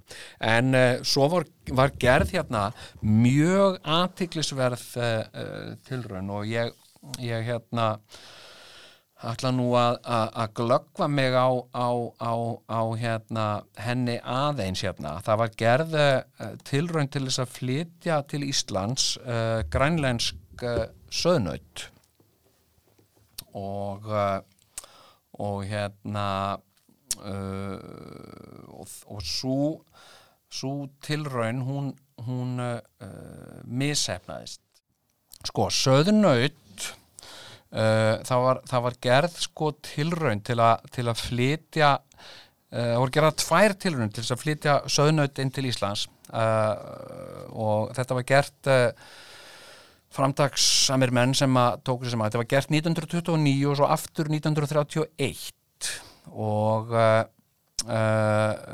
hérna og það eru einhverjar heimildir um það að, að norskir veiðimenn hafi áður Eh, sagt, uh, gert svipaðar tilraunir uh, hafi bara hreinlega komið með söðnaut til Íslands til að sleppa þeim hérna hérna sko hérna og til, a, til að veiða þá. En en hérna sko þessi þessi dýr livðu ekki af hérna og, uh, sko, og, og, og það eru uh, áhöldu uppi um það hvað, hvað hafi árðið þeim aldur til að. Sko hérna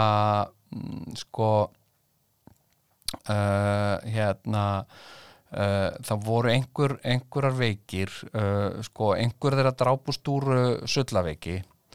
og síðan hefur líka verið bent á sko Uh, að það, þau hafi fengið lélegan kost, það er að segja uh, lélegt fóður og rangt fóður uh, og, og, og, og einhæft hérna mm, og þetta var svolítil aðgerð og hérna þessi, þessi söðnöld voru sótt til, til hérna Grænlands og þetta var rætt meira að segja í þinginu í Danmörku að, að hérna Uh, sko að, að, að það, það ætti ekki að leifa okkur að gera þetta því við vorum, að, við vorum ekki að gera þetta alveg það sem að maður myndi segja faglega og fallega sko. við vorum að gera þetta með þjösnaskap og, og, og dólksætti svolítið og, og hérna og svolítið, uh, svolítið af, af, af, af fúski uh, og þessar hugmyndir hafa verið svolítið á reiki æ síðan um, um hvort við ættum að, að leggja í að gera aðra, aðra svona tilrönd og ég hef verið talsmaður þess. Ég, ég, sko, ég náttúrulega er ekki dýralæknir þannig að ég hérna segi þetta allt með þeim fyrirvara, ég er ekki dýralæknir og ég, ég ætla ekki að, að vera sko, þú veist, ég, ég ég hérna sel þessar skoðanar mínar ekkert uh, dýrara uh, en ég keifta þær þetta er, ég keifta þær ekkert ég, það, það er, þetta eru bara mínar skoðanir sko. uh, mér, ég myndi vilja sjá hérna til dæmis íkortna og og, og meiri kaninur og, og hérna svo sakna ég dúbnana ég vil, vil fá bara fá hérna dúutnar aftur og, og mér finnst gaman af dýrum mér finnst gaman að sjá og og, og líka þetta, þú veist, eiga börn og, og hérna uh, sko uh, þá er það hluti af uh, uppeldi badna, það er að reyna að fara með þau einhver staðar og, og sína þeim dýr. Uh, fátt finnst börnum skemmtilegar og þess vegna hefur öskilíðin verið bara sko fastur punktur í mínu lífi eh, í, í, í 30 ár. Vegna sem ég farið þarna með krakkana mína til að sjá kaninur og, og einhverja fuggla og svona. Uh, en, en fugglar eru minna spennandi en, en kaninur. Þú veist þetta getur verið gert dægin fyrir, fyrir, fyrir krakka sko að sjá kaninu og, og hérna þannig að mér finnst það mjög efinu góða og, og hérna Uh, og, og ég, ég þekki síðan ekki sko þetta, þessa hlið á þessu hvað var þar sjúkdóma og svona ég bara þekki það ekki en, en hérna en uh, sko ég, ég, ég velti fyrir mér sko ég, ég skoðaði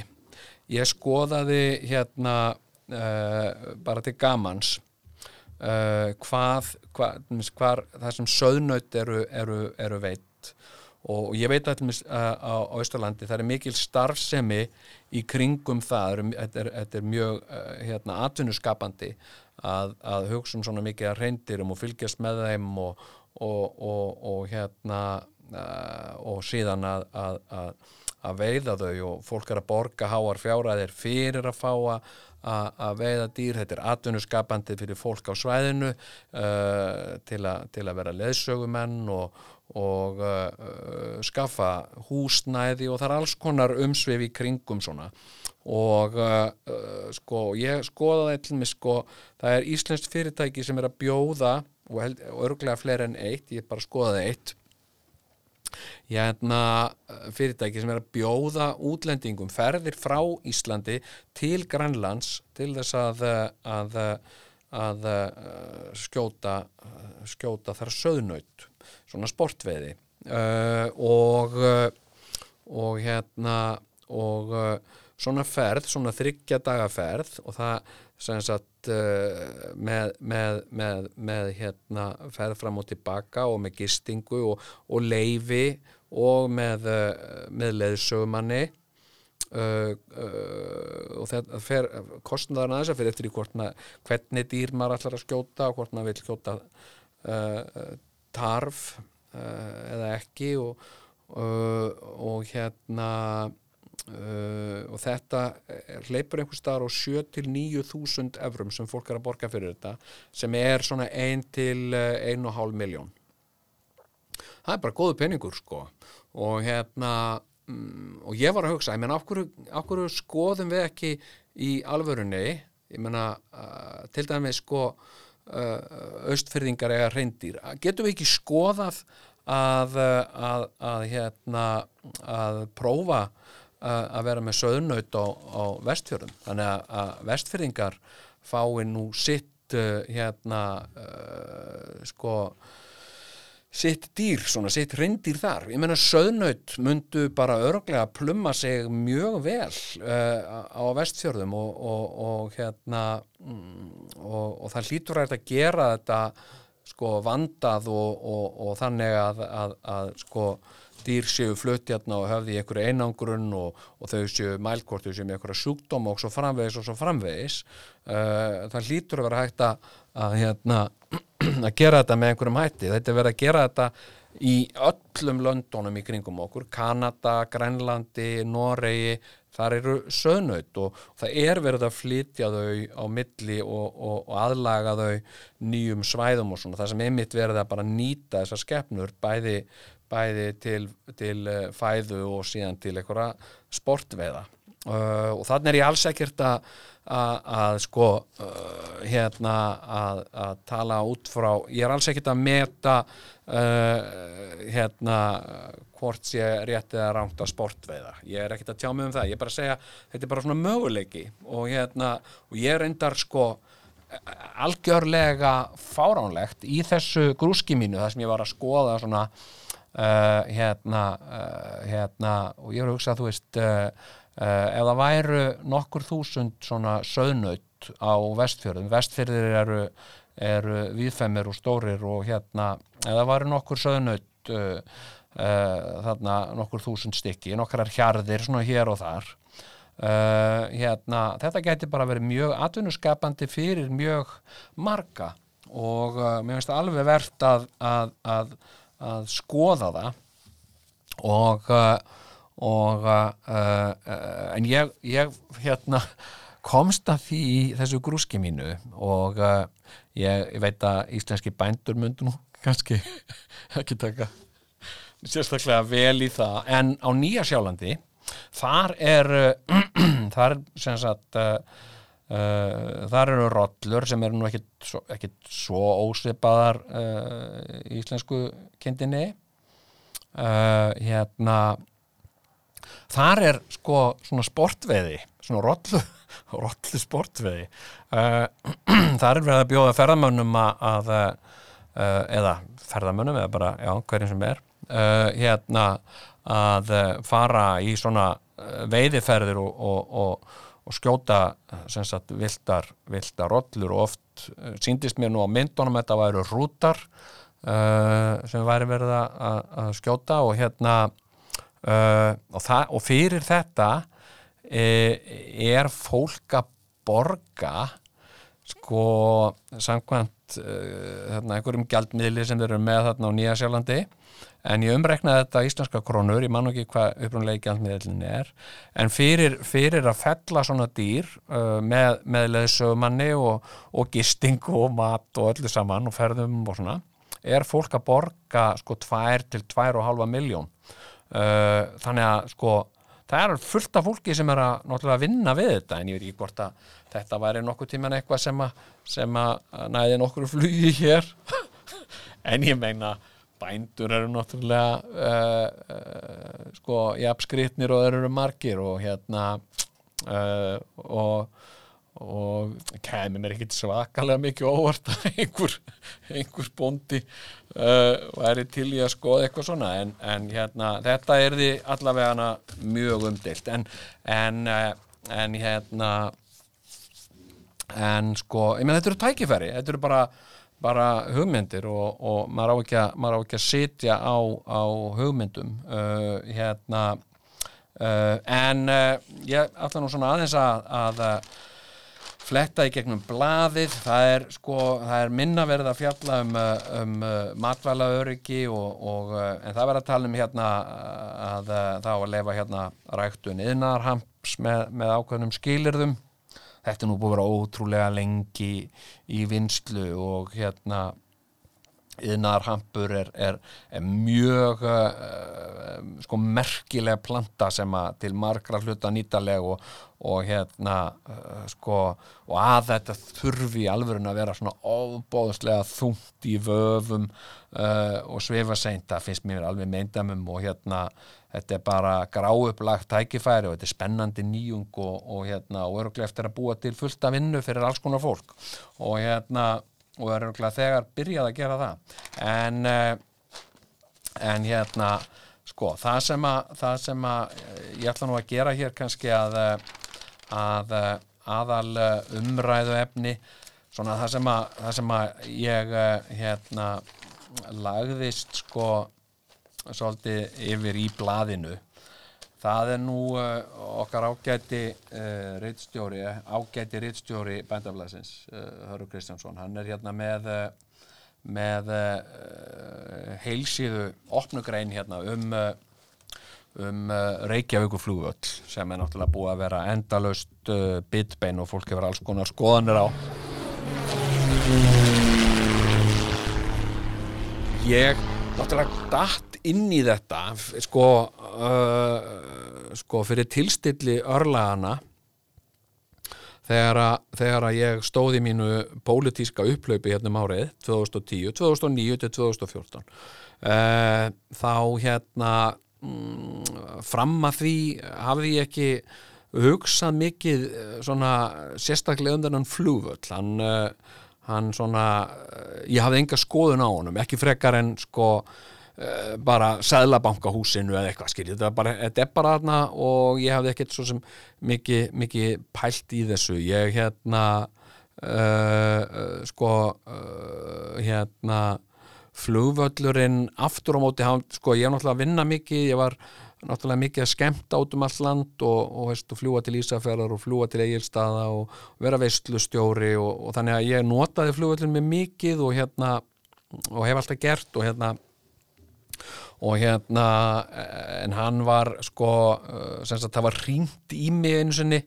uh, og það var áður en að uh, sem sagt uh, ég var grepin mínu pólitíska æði uh, hérna það var hringt í mig eitthvað frá Gallup til þess að kanna afstöðu mína til flugvallarins og ég sagði við þess að stelpu sem hringdi ég mér er alveg skýt sama sko. En já en værið til ég að svara hérna spurningum já já ok já ég get gert það og hérna.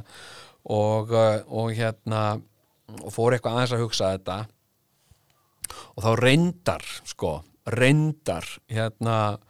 uh, áttaði mig á því að, að sko að, að þó að ég hefði mikil not fyrir flugvöllin og praktísk uh,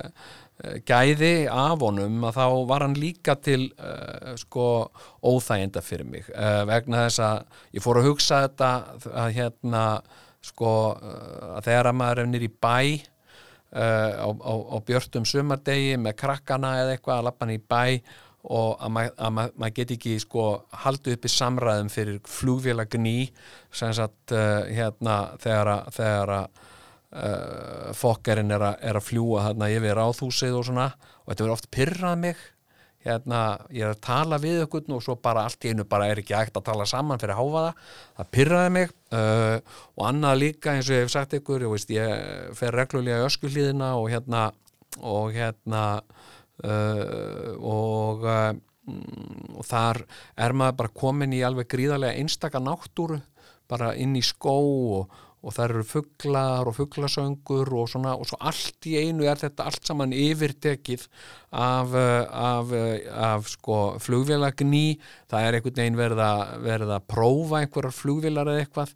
að- gefa allt í botn á þeim og, og einhverjar þyrlur og síðan þegar túrismin byrjaði að aukast hérna og, og það var að bjóða fólki upp á þyrluferðir hinga og þangað þá var, þá var, þá var, þá var uh, það, þá helviti sá að þið komin líka sko þyrlur að taka á loft og, og hérna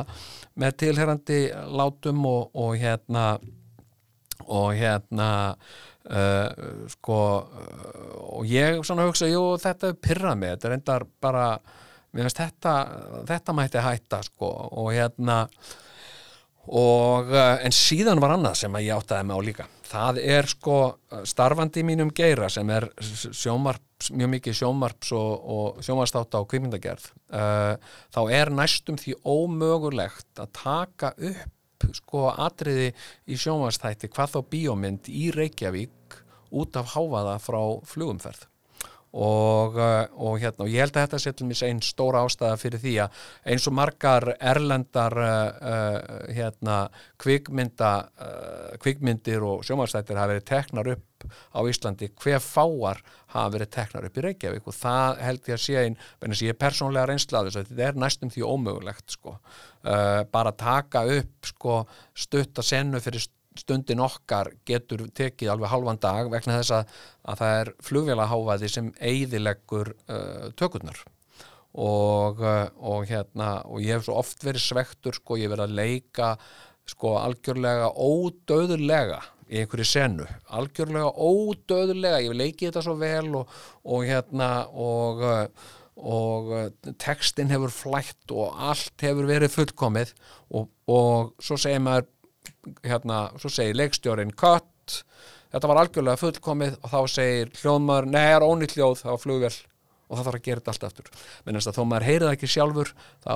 þá, er, er hljóðmaðurinn með svo næma hljóðnema að hann heyrir flugvél og, og hérna og hún eigðileggur hljóðið og, og þetta er gríðarlega uh, pirrandi. Uh, og ég hef oft bölvað flugvélum og hérna uh, og þetta er ekki þetta kannski þetta reglulega innanlandsflug, áætlunarflugið okkar innanlands heldur meira svona, uh, svona einhverjar smárellur.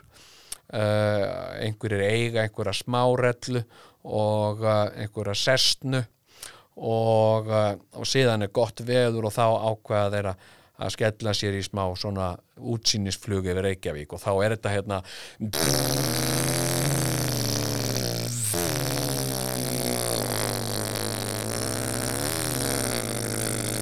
og uh, þetta er ekki að gera neitt fyrir neitt nema kannski einn, tvo aðeila sem siti í þessari flugvél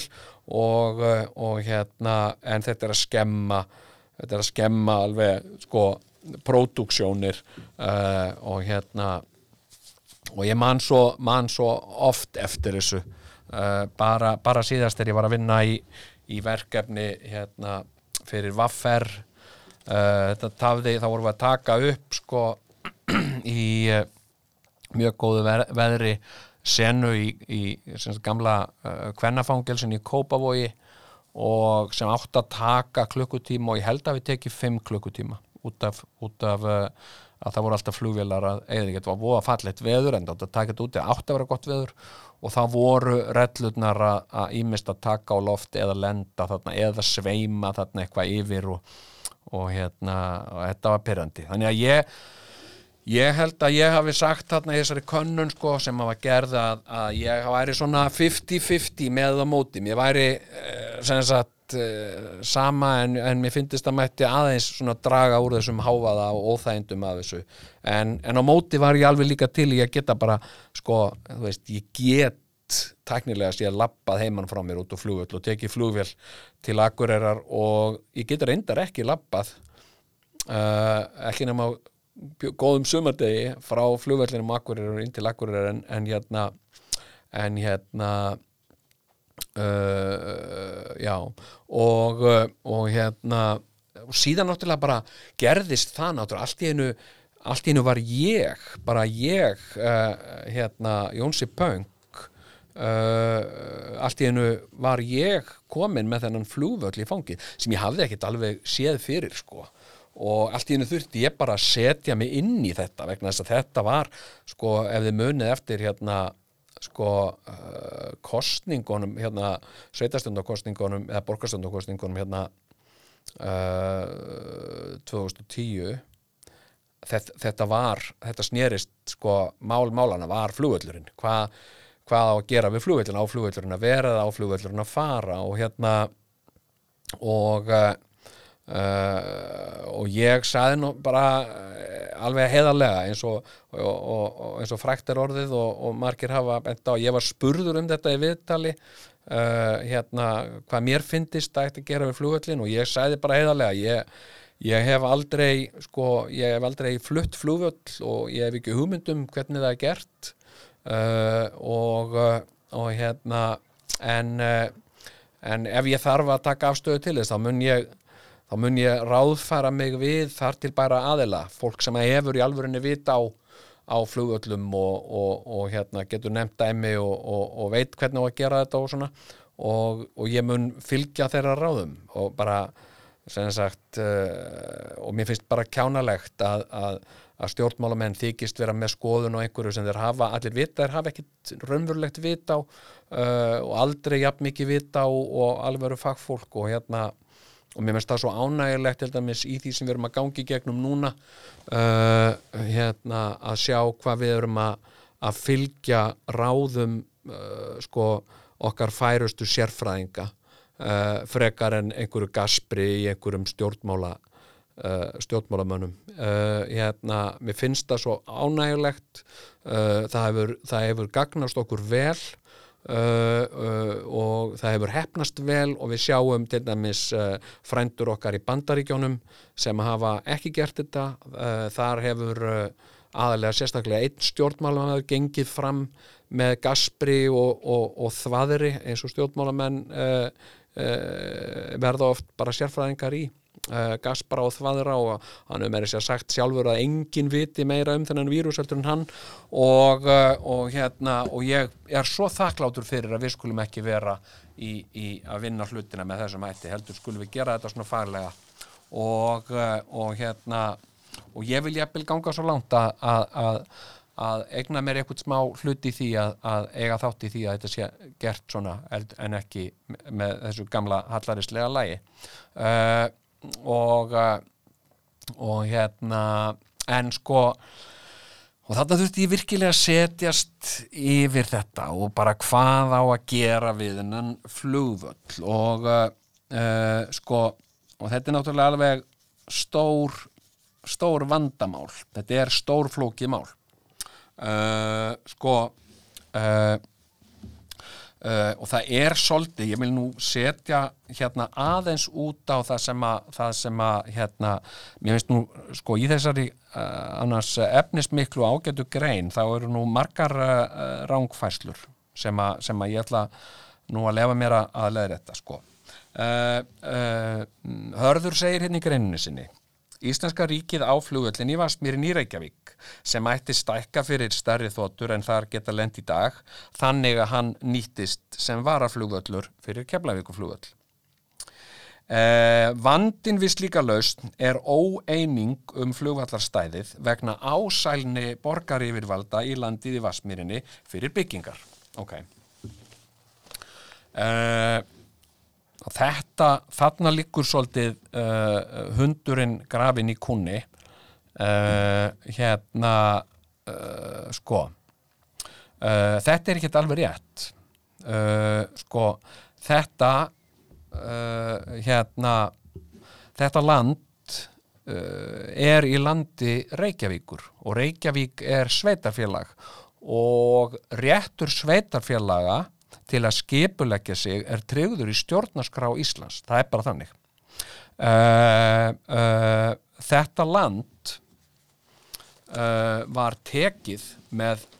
sérstæðum hætti. Þetta var tekið með hervaldi og þetta gerðist þegar að breski herin hernam Ísland í setni heimstöldinni. Þannig að þetta land undir flugvöllin var tekið af Reykjavíkuborg með hervaldi reynd og beint uh, og á stríðstímum og í rauninni egnaði þá fyrst uh, herin sér uh, þetta land og, uh, og var með uh, mik, uh, miklar skreitingar í kringum þetta svona byssu uh, virki og fallbyssu reyður þarna í öskuhlíðinu og svona. Uh, til að verja flugvöllin fyrir hugsanlegum árásum uh, flughersins. Og, og út á þetta sko þetta er grundvallara atriðið í deilunni um, um hérna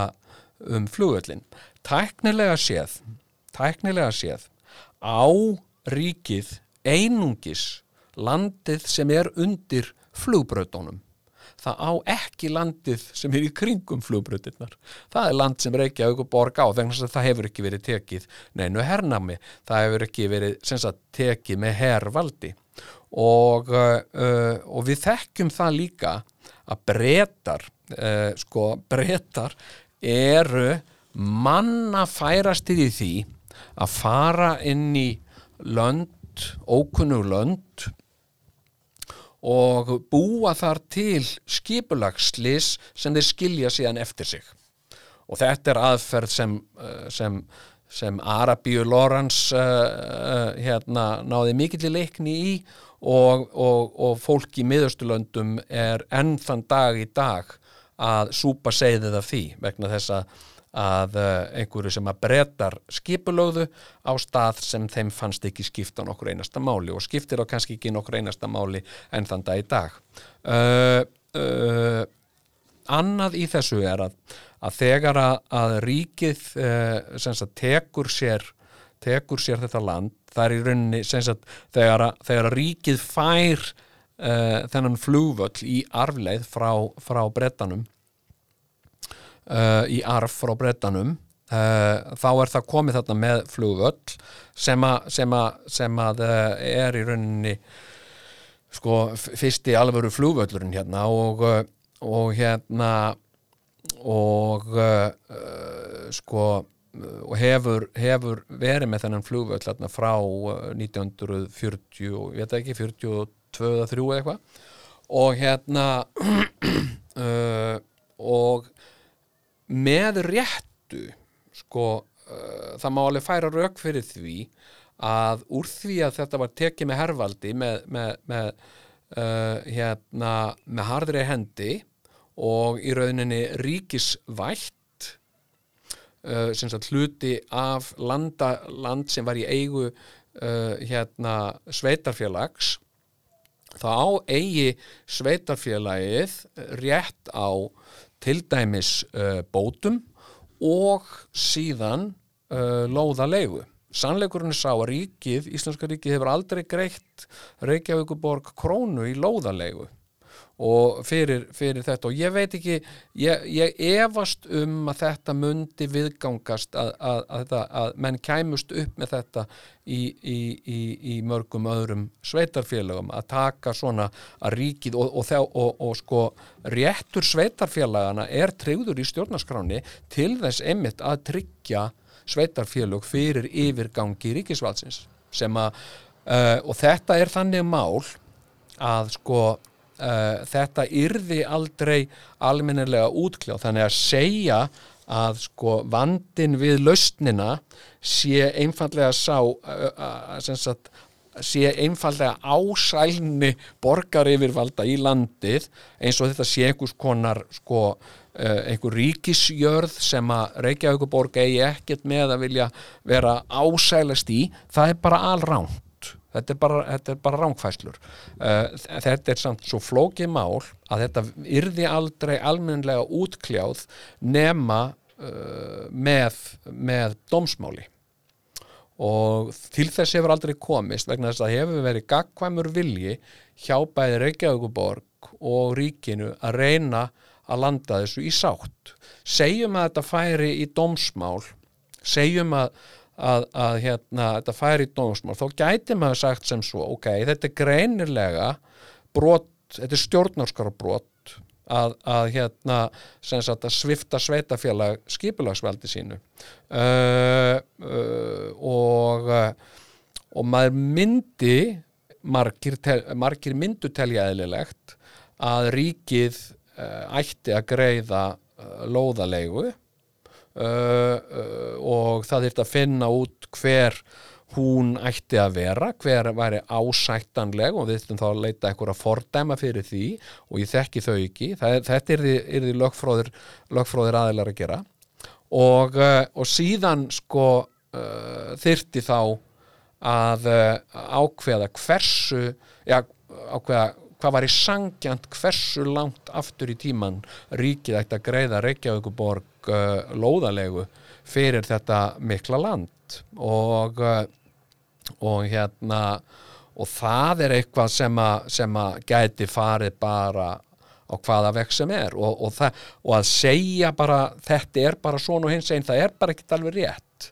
Uh, þetta er uh, flóknara mál en það. Þetta er, þetta er uh, lagatæknilega flókið mál en svo er þetta líka bara sko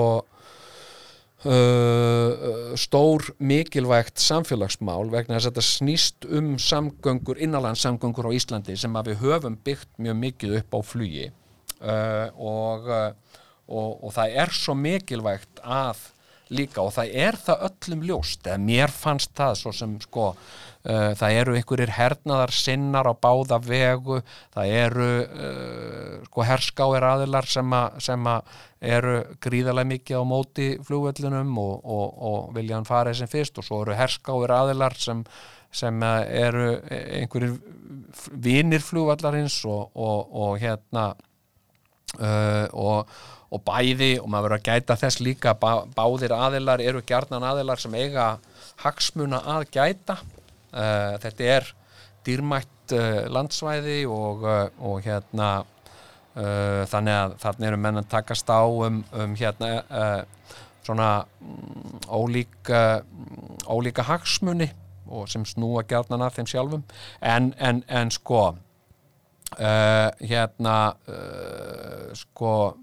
fyrirsögn greinarinnar er að eftir 82 ára leit og ótal skýrslur og fjárútlát er engin pólitísk lausn í sjónmáli. Uh, það er ekkert alveg rétt uh, hérna uh, fólk hefur meira verið að tala sér átt að lausn frekar en hitt og, uh, og hérna og það hafa verið sett settir í gang uh, samstarfshópar og nefndir sem að hafa verið að skoða uh, uh, möguleika og lausnir og, og þetta er nú bara eins og með uh, eðli líðræðisins að það er, uh, það er hægvikt, hægvikt kerfi og, og hérna mm, og það bara tekur sinn tíma. Uh, en hörður hérna að, að vísa í í uh, svona hugmyndir hérna manns uh, sem er uh, Ívar Örn Guðmundsson arkitekt hjá Nexus Nexus uh, arkitektstofunni uh, sem er með ákveðnar pælingar um það hvernig megi leysa þetta. Og hérna eitt sem ég fannst mjög aðeinsvert sko, hörður er hérna allmis með uh, tölur sem að eftir heimildum sem hann vísar í þennan Ívar Örn Guðmundsson, ég þekki hann nú ekki sko,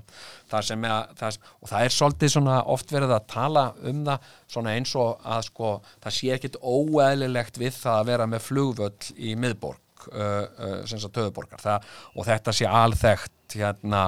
hérna í, í, í, í sagt uh, hérna öðrum borgum. Og uh, og hérna í blæðinu byrtir hann hérna lista yfir nokkra flugvelli og fjarlægð sagt uh, frá, frá, frá miðbæ. Og, og hann nefnir hérna nokkra sko hérna uh, sko flugvelli og ég get bara ekki annað séð krakkana, þetta sé bara sko þetta er, þetta er bara ég, sko, þetta er bara tóm steipa sko. Uh, hérna, hann segir ég fór bara að kíkja á þetta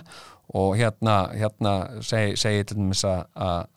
Orli flugvöllur sé 15 km frá París, ég veit ekkert um það. Þá fjarlæði frá nokkrum þekktum flugvöllum að borgarmiðju. Og borgarmiðja fyrir þá sem ekki vita þá er hún yfirleitt miðuð við posthús sem er stendur í, í, í, í hérna miðbænum. Og, og yfirleitt þegar er allir tala um fjarlæðir frá Reykjavík og einhvert þá er miðað við posthúsið í Östustræti Jæja, uh, hérna og ég, ég rak nú strax augun hérna í Hýþró uh, og hérna segir sko uh, Ívar að, að, að Hýþró flugöllur sé 10 kilometra frá borgarmiðju Lunduna og ég bara, þetta kom ekki heim og saman hjá mér. Ég, mig, ég, ég hef oft lent farið um hýþróflugvöll og, og hérna og það virkar miklu lengra frá London heldur en, heldur en einhverja 10 kilometra, þannig ég googlaði það og það eru 23 kilometrar þannig að þarna skeikar sko meira en helmingi þetta eru mjög rángar tölur og, og, og ég fór nú yfir einhverja aðra og, og til þess hérna nefndur sko, uh, sko brommaflugullur í Stokkólmi og, og brommaflugullur er, er svolítið svipað þrætuhepli og, og reykjaugflugullur uh, hérna uh, bromma er flugullur sem að var reistur á svæði sem að, sem að var úr alfara leið en síðan hefur borgin verið að byggjast upp í kringum bromma og bromma flugvöllur hafa staðið svona deilur um, um þann flugvöll sem eru mjög svipaðar deilunum um Reykjavíkur flugvöll og, og hérna Uh, en einhvern veginn sínist manni að brommaflugöllur uh, sé, uh, brommaflugöllur er á niðurleið. Hann, hann er með hann er, ekki, hann er með takmarka starfsleifi það er ekki verið að malbygga nýjar flugbrutir þar byggingarna flugskíli og, og svona eru orðin það gömul að þau eru sko, orðin vernduð og það gerir mjög flókið að, að, að gera þetta upp og svona byggingar uh, hérna njóta þarna uh, sko byggingaverndar og ég held að hann hafi ekki uh, sko starfsleifi nema til sko núna til sko 1940, nei 2040 uh, einhver 20 ári viðbót sko og hérna og uh, sko, og til og með að nefna Brommaflugull, hann er 6 km og ég mann það nú ekki ég, hvað hann er, hvað hann er uh, hérna, jú, hann er ef ég googla það sem sagt Brommaflugullur sem hér segir í, í greininu að sé 6 km frá borgarmiðju er 8 km samkvæmt uh, bara Wikipedia. Uh, og, og, og það vita það allir sem, sem sko ég hef farið bjónáttli í Svíþjóð og hef farið mikið flóið mikið til Svíþjóður og fram og tilbaka og ég, ég hef aldrei komið á bromma flugvöll og, og hérna ég hef lengt á Arlanda. Arlanda flugvölli sem að er er flugvöllurinn sem verið er að byggja upp og hefur tekið yfir bromma.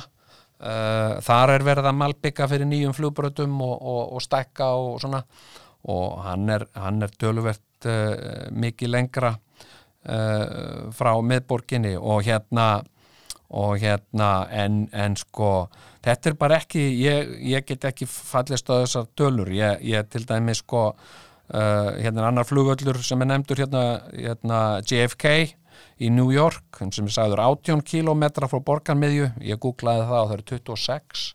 og, uh, þarna uh, sko skeikar uh, bara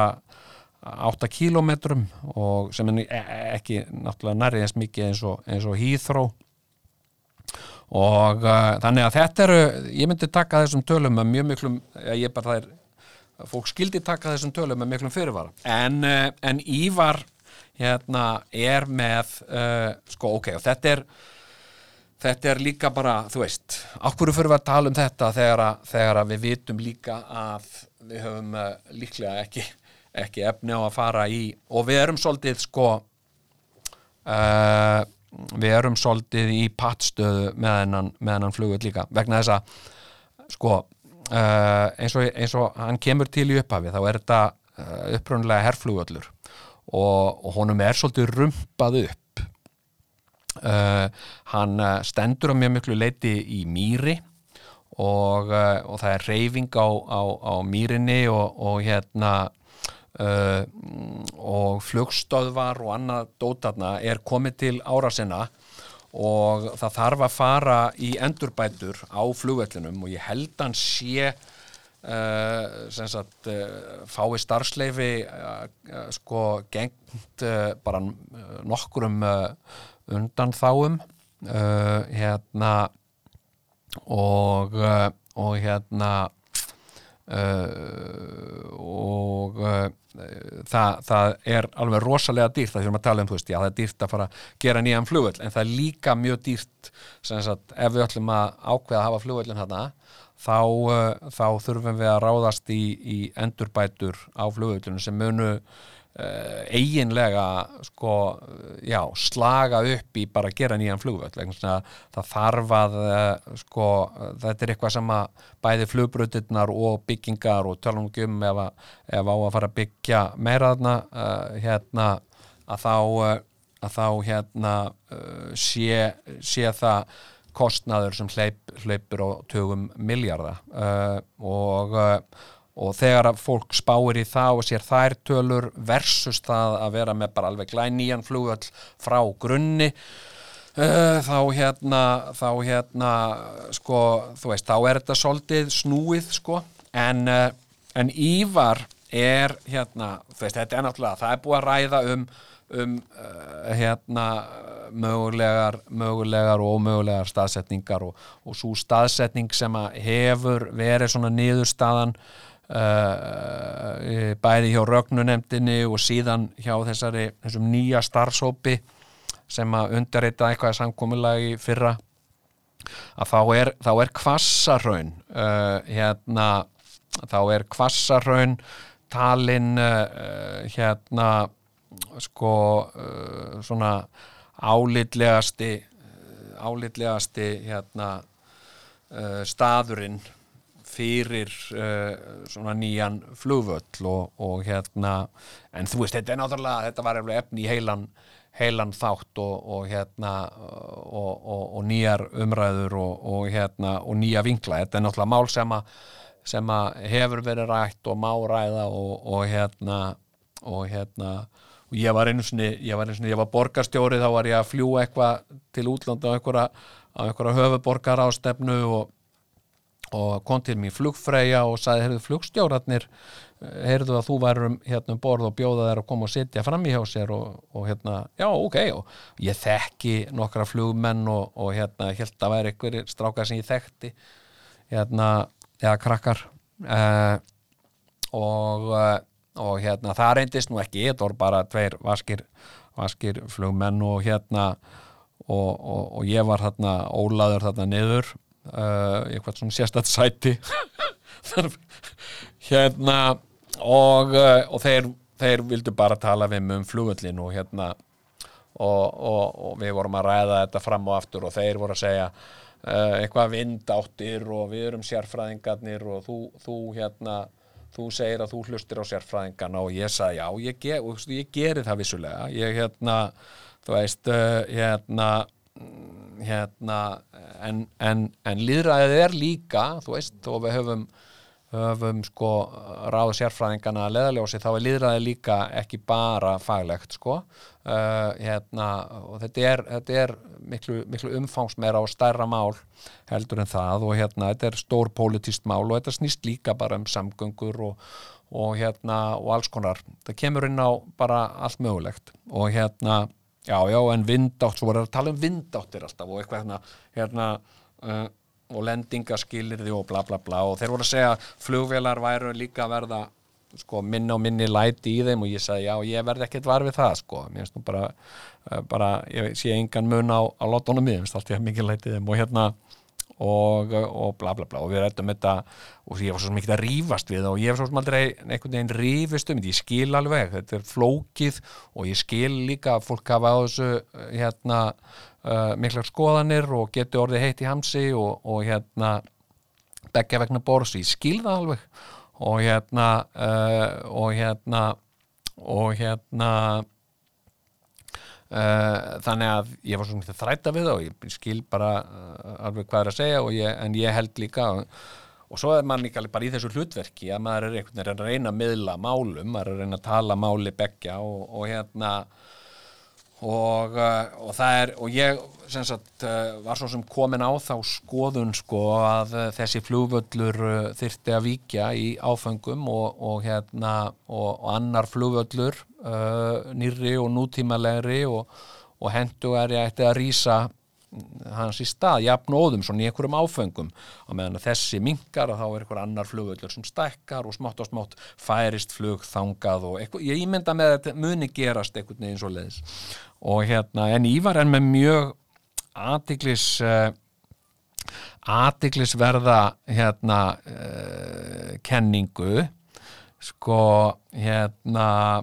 sko um að flytja sem sagt flugvöllin yfir á Áltanes og hérna og uh, sko uh, og í rauninni hérna sem sagt sko uh, hérna já og, Áltanes er náttúrulega Garðabær sko, Garðabær eignaðist Áltanes vegna þess að Áltanes sveitafélag Áltanes varð gældrúta og, og Garðabær eignaðist það og og hérna, já já en að reysa, reysa flugvöldin þarna og þetta er sko, þetta er svo fyndið vegna þess að ég var einu sinni, og þetta bara rifjaðist upp fyrir mér sá þetta, ég var einu sinni með þessa hugmynd sko að, að flugvöldurinn sko væri einhver staðar þarna. Og þetta er náttúrulega sko uh, þarna ertu með sko flugvöld sko hérna uh, sagt, beint onni í bessastöðum bessastaðir eru þá sko, aðsettur sagt, uh, forsetta Íslands er orðið þarna eiginlega inn, inn á flugvallarsvæði og hérna og hérna uh, og ekki hægt að taka þú veist, það er ekki hægt að taka á mótin ennum þjóðarleitógum eða neitt þarna að því að þetta væri bara, skilur forsetin kemur og tekur á móti Donald Trump á, á hérna Trumpunum frutan bestastæði og þeir get ekki heyrt í hvora öðrum fyrir flugvélagný vegna þess að það er eitthvað flugvélaland eða taka á lofti eða eitthvað. Þetta er náttúrulega bara þetta er náttúrulega bara þetta er náttúrulega gengur engan veginu upp. En þú veist, fyrir einhvern sem er bara að pæla í einhverju svona, þú veist, þá gengur þetta alveg. Þú veist, þetta passar flugburutin passar hérna og er með því að setja landfyllingu hérna og passar hérna og eitthvað svona sko, en svo í praxis þá, þú finnst að ræða þetta og skoða þetta uh, með, með af, af alvöru og svona benda á ímsa hluti hérna að, hérna að þá, þá, þá gengur þetta ekki upp og þetta gengur heldur ekkit upp í, í svona í, í sko uh, í því framtíðarskipulagi sem er verið að hugsa fyrir höfuborgarsvæð uh, þá, þá er þetta meira uh, er þetta meira kannski uh, meira verðmæti sem sko byggingaland og það er örgulega afstafa uh, Garðabæri, ég veit svo ekki ég hef ekki heyrt hver ofinber afstafa Garðabæri, ég, það væri gaman að heyra hvað Gunnar Einarsson bæjastjóri segir um þetta að fá þarna og hvað hva, hérna fórsetisembættið uh, segðum við, er ekki sama þú að setja upp alþjóðaflúvöllur hérna á lóðina hjá bestastöðum, jú, jú, jú, jú, það er okkur á meinalösu, ég stóri efast um það. En ég var aftur á móti með pælingu hérna, það er þetta er allt hérna í skerjum og, og, og hérna og ég var með uh, var með hugmyndinu sinni. Sko, þá var Ólaður Ragnar Grímsson hérna en þá fórseti og, uh, og ég hendi fram þessar hugmynd meira, meira sem í, í gríni heldur en alvöru sem ég gerir náttúrulega mjög mikið af. Hérna, hérna að gera flúvöld þarna á þessum flúbröðir þarna á þessum skerjum þarna einhvern veginn, hafa hann svolítið bara svona þarna út í sjó uh, og og hérna og fá sem sagt Ólaf með í lið Hérna, og ég held meira sem ég manna nú samt ekki alveg að ég hafi nefnt þetta við hann. Hérna, sem sagt að væri alþjóðlegur flugvöllur þarna sem, sagt, sem héti sem sagt ORG International. Það væri ógeðslega flott. Þetta er gert í, í mörgum siðmentuðum löndum. Uh, hérna flugvöllurinn minn til dæmis í, í, í hérna í Houston, Texas heitir George Bush International og það er De Gaulle flugvellur í, í, í París og það er ekkit óvenjulegt að nefna flugvelli eftir þjóðarleðdóum, fórsetum og, uh, og vera með sko og, og ég var að hugsa, getur við ekki sagt, fengið smá svona pólutísk sko,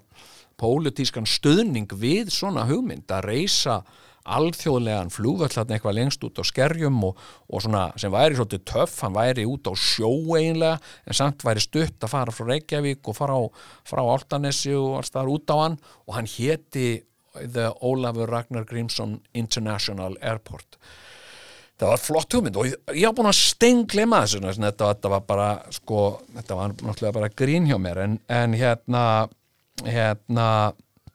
en það er um að gera þú veist að, að hérna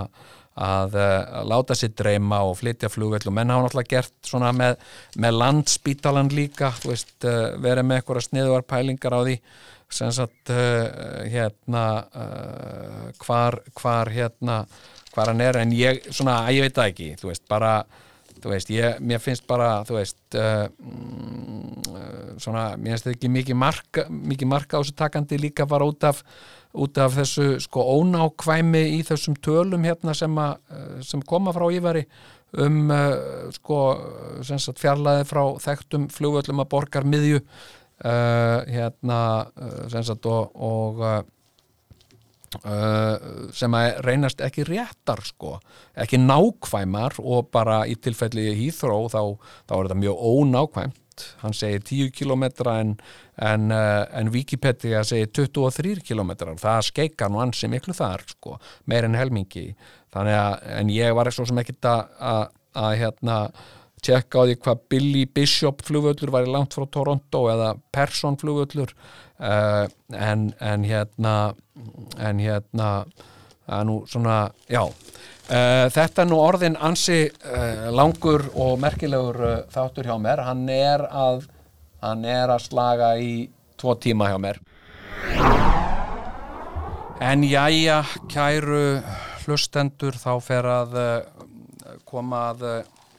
lokum þessa ágæta þáttar hjá mér. Það búið að vera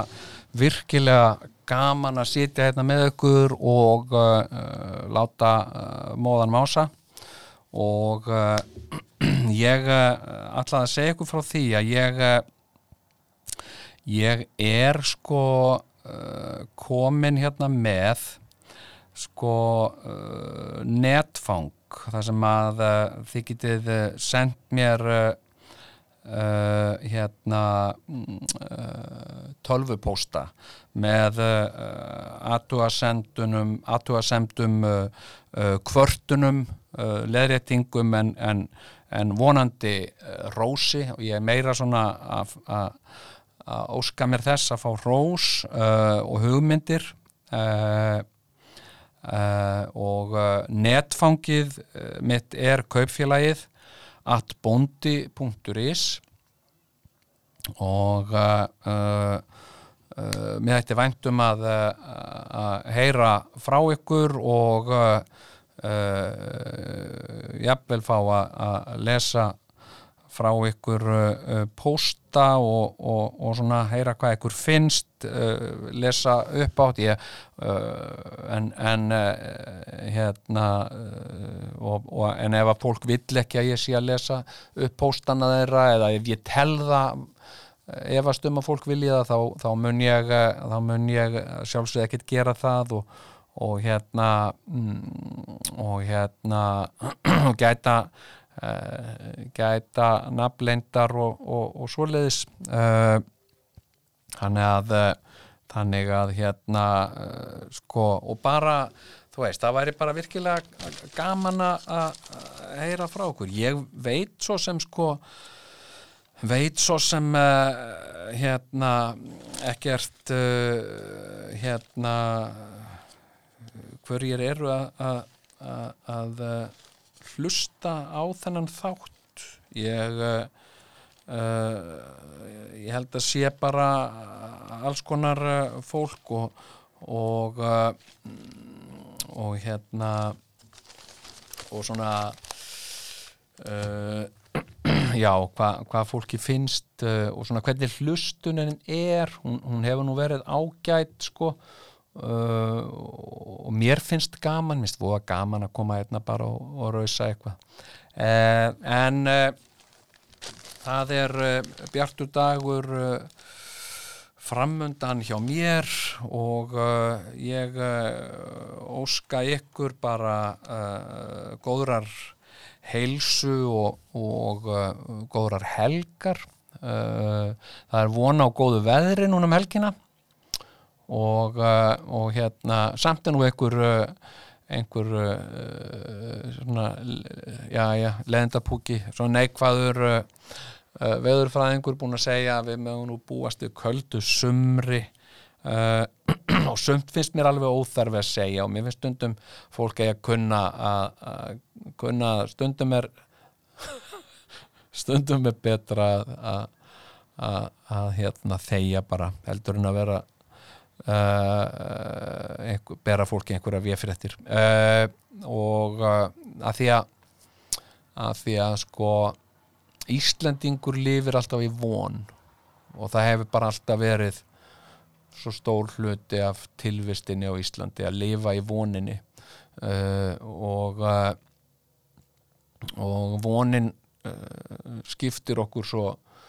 svo gríðarlega miklu máli. Hún er bara líka hluti af því að komast af hérna og vera svona þokkalega res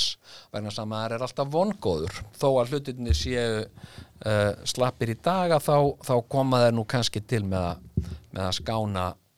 síðar. Uh, og uh, mér langar að svona hérna að ljúka þessum þætti með ákveðinni pælingu sem að ég er með sem að mér finnst vera góð og, og, og bjart sín inn í nýja tíma. Uh, uh, ég verði að fylgjast með umfjöllun um Ísland í erlendum fjölmiðlum og uh, hún er mjög jákvæð. Það er að segja hvernig okkur hafi tekist til að, að, að takast á við þennan heimsfaraldur hér á Íslandi og við þykjum gera það með algjöri fyrir, með, hérna, gera það algjörlega til fyrirmyndar uh, og til fyrirmyndar fyrir aðrar þjóðir. Uh, við erum að hlutfalslega uh, mæla uh, prófa flesta og, og hérna og við erum að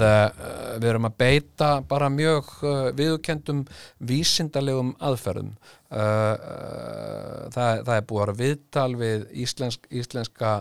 það er búin að umfjallarnar um þetta á, á MBC, CNBC CNN, til dæmis í Bandaríkjónum Uh, þar, sem að, þar sem að menn virðast ekkert viti í sinn haus hvernig er eigi að takast á við þetta. Það var mjög flott viðtal við Kára Stefánsson uh, uh, í bandaríska í, í, í hérna, vinselum bandarískum fréttaskýringaþætti og hérna það sem hann var að útskýra fyrir þeim hvernig við erum að gera þetta. Og, og hérna og ég held núna er verið að fara að slaka á slaka á öllu við erum að fara að stíga hægt og varlega skrefin tilbaka aftur 4. mæ og, uh, og síðan um miðjan mæ stígum við annað hænuskref tilbaka og, og, uh, og nú er verið að skoða möguleika því að það, það er náttúrulega uh, sko, fyrir að brenna á fólki að, að vilja fara að hreyfa sig þegar að það, verður leifi á það. Og hérna og ég hugsa ég hugsa krakkar að sko uh, í sumar þegar að þegar það er búið að kveða uh, þennan ófögnuð niður víða eins og við erum að ná að gera hér á Íslandi uh, og er verið að gera með góðum árangri í, í, í Suður Kóriu til dæmis og, uh, og að ég held uh, Noregi og uh, uh, og, og mjög viða að þegar að fólk sem er búið að vera innilokað í íbúðum sínum í stórborgum Evrópu eins og París og Berlín og London og Madrid og, og hérna og, og hvað er heita nú allar uh, að þegar að þetta fólk fær að ferðast að eh, hefur leifi til að fara þá held ég að mörgum langi ekki til að hanga þarna í þessum borgum. Uh, heldur vil ég koma sér einhvað langt út fyrir borgirnar og helst einhver staðar út í náttúru. Og, og ég held að fólk muni leita sér að stöðum þar sem að er viðfemi þar sem er viðfem náttúra og ekki eh, mikið kraðak af fólki uh, og uh, ég held að mjög margir vegri sér við að ferðast uh, til Suður-Evrópu vegna þess að það er bara það er bara mjög svona tengt mikilli, mikilli sorg og sársöka og, og það eru það eru svæði þar og lönd sem eru bara uh, munu þurfa bara að taka sér sinn tíma til að jafna sig á þeim áföllum sem það hefur gengið í gegnum eins og, eins og Ítalía og Spátn og hérna uh, ég held að margir uh, ferðalangar veigri sér við að fara til Asju og og ég held að flestum flestir já ég held að það sé ekki margir að fara til bandaríkjana uh, mér sýnist uh, ekki vera uh, maður sér ekki fyrir neitt enda á ástandinu þar uh, og ennþá eru að greinast sko í bandaríkjónum milli, milli 25 og 30 þúsund ný tilfell á dag. Þetta er náttúrulega bara hræðilegar tölur sko. Uh, og og hérna og þá held ég að mjög margir sem hyggjast ferðast á annar borð uh, horfi til landa eins og Íslands og, og kannski Noregs en aðalega Íslands. Uh, hér hingað hefur fólk tækifæra á að koma vera svolítið uh, hérna á eigin vegum. Það er að segja að þú getur komið hérna uh, hérna og verið bara svona í þínum eigin bíl gist á, á, á fáförnum stöðum til dæmis eins og okkar ágætu bændagistingar uh, og ég held að ef að ég væri uh, sko fimmbarnafaðir í Berlín og, og ég væri búin að vera lokaður heima, við familjan var búin að lokuð heima uh, hérna í, í tvo mánuði eða eitthvað uh, þá myndi ég uh, mjög gjarnan vilja fara til Íslands og ímynd mín af Íslandi væri að hér væri hreinleiki, uh, óspilt náttúra, öryggi uh, uh, uh, hérna fólk sem er búið að búa við mikið óöryggi lengi því langar ekki að auka á það óöryggi með einhverju nýju óöryggi. Uh, hér væri mikið öryggi og ég hefði trú á því að hér væru stjórnvöld og yfirvöld virkilega að taka á þessum vanda af alvöru en ekki bara gaspra eitthvað um það eða þykjast eins, og, eins og verðist uh, vera raunin við annar staðar. Þannig að uh, ég held að um sko það muni núna mjög bráðlega vera kynnt einhvert, einhvert system, einhvert kerfi á því hvernig ferðamenn geti, hvernig fólk geti ferðast á milli ákveðin að landa í sumar og, og það verði sett upp einhver, einhver aðgerð til þess að gera það mögulegt og, uh, og ég held uh, að það verði sko svona einhver tíman uh, uh, uh, miðjan júni þá muni fjöldi fólks uh, streyma hingað, ferðamenn. Og það verði mikil bara uppgrip í öllu, öllu umstangi og, og, og hérna og uppgrip í vinnu og þjónustu og, og hérna uh, og þetta já, bara uh, jafnvel sem aldrei fyrr sko. Og uh, hérna og jafnvel sko færri sem komast hingað hendur en vilja. Þannig að uh, hérna uh, ég trúi á hið fortkveðna þetta reddast Velkomin í kaupfélagið. Já, hvað, hvað kostar þetta? Hvað viltu borga? kaupfélagið.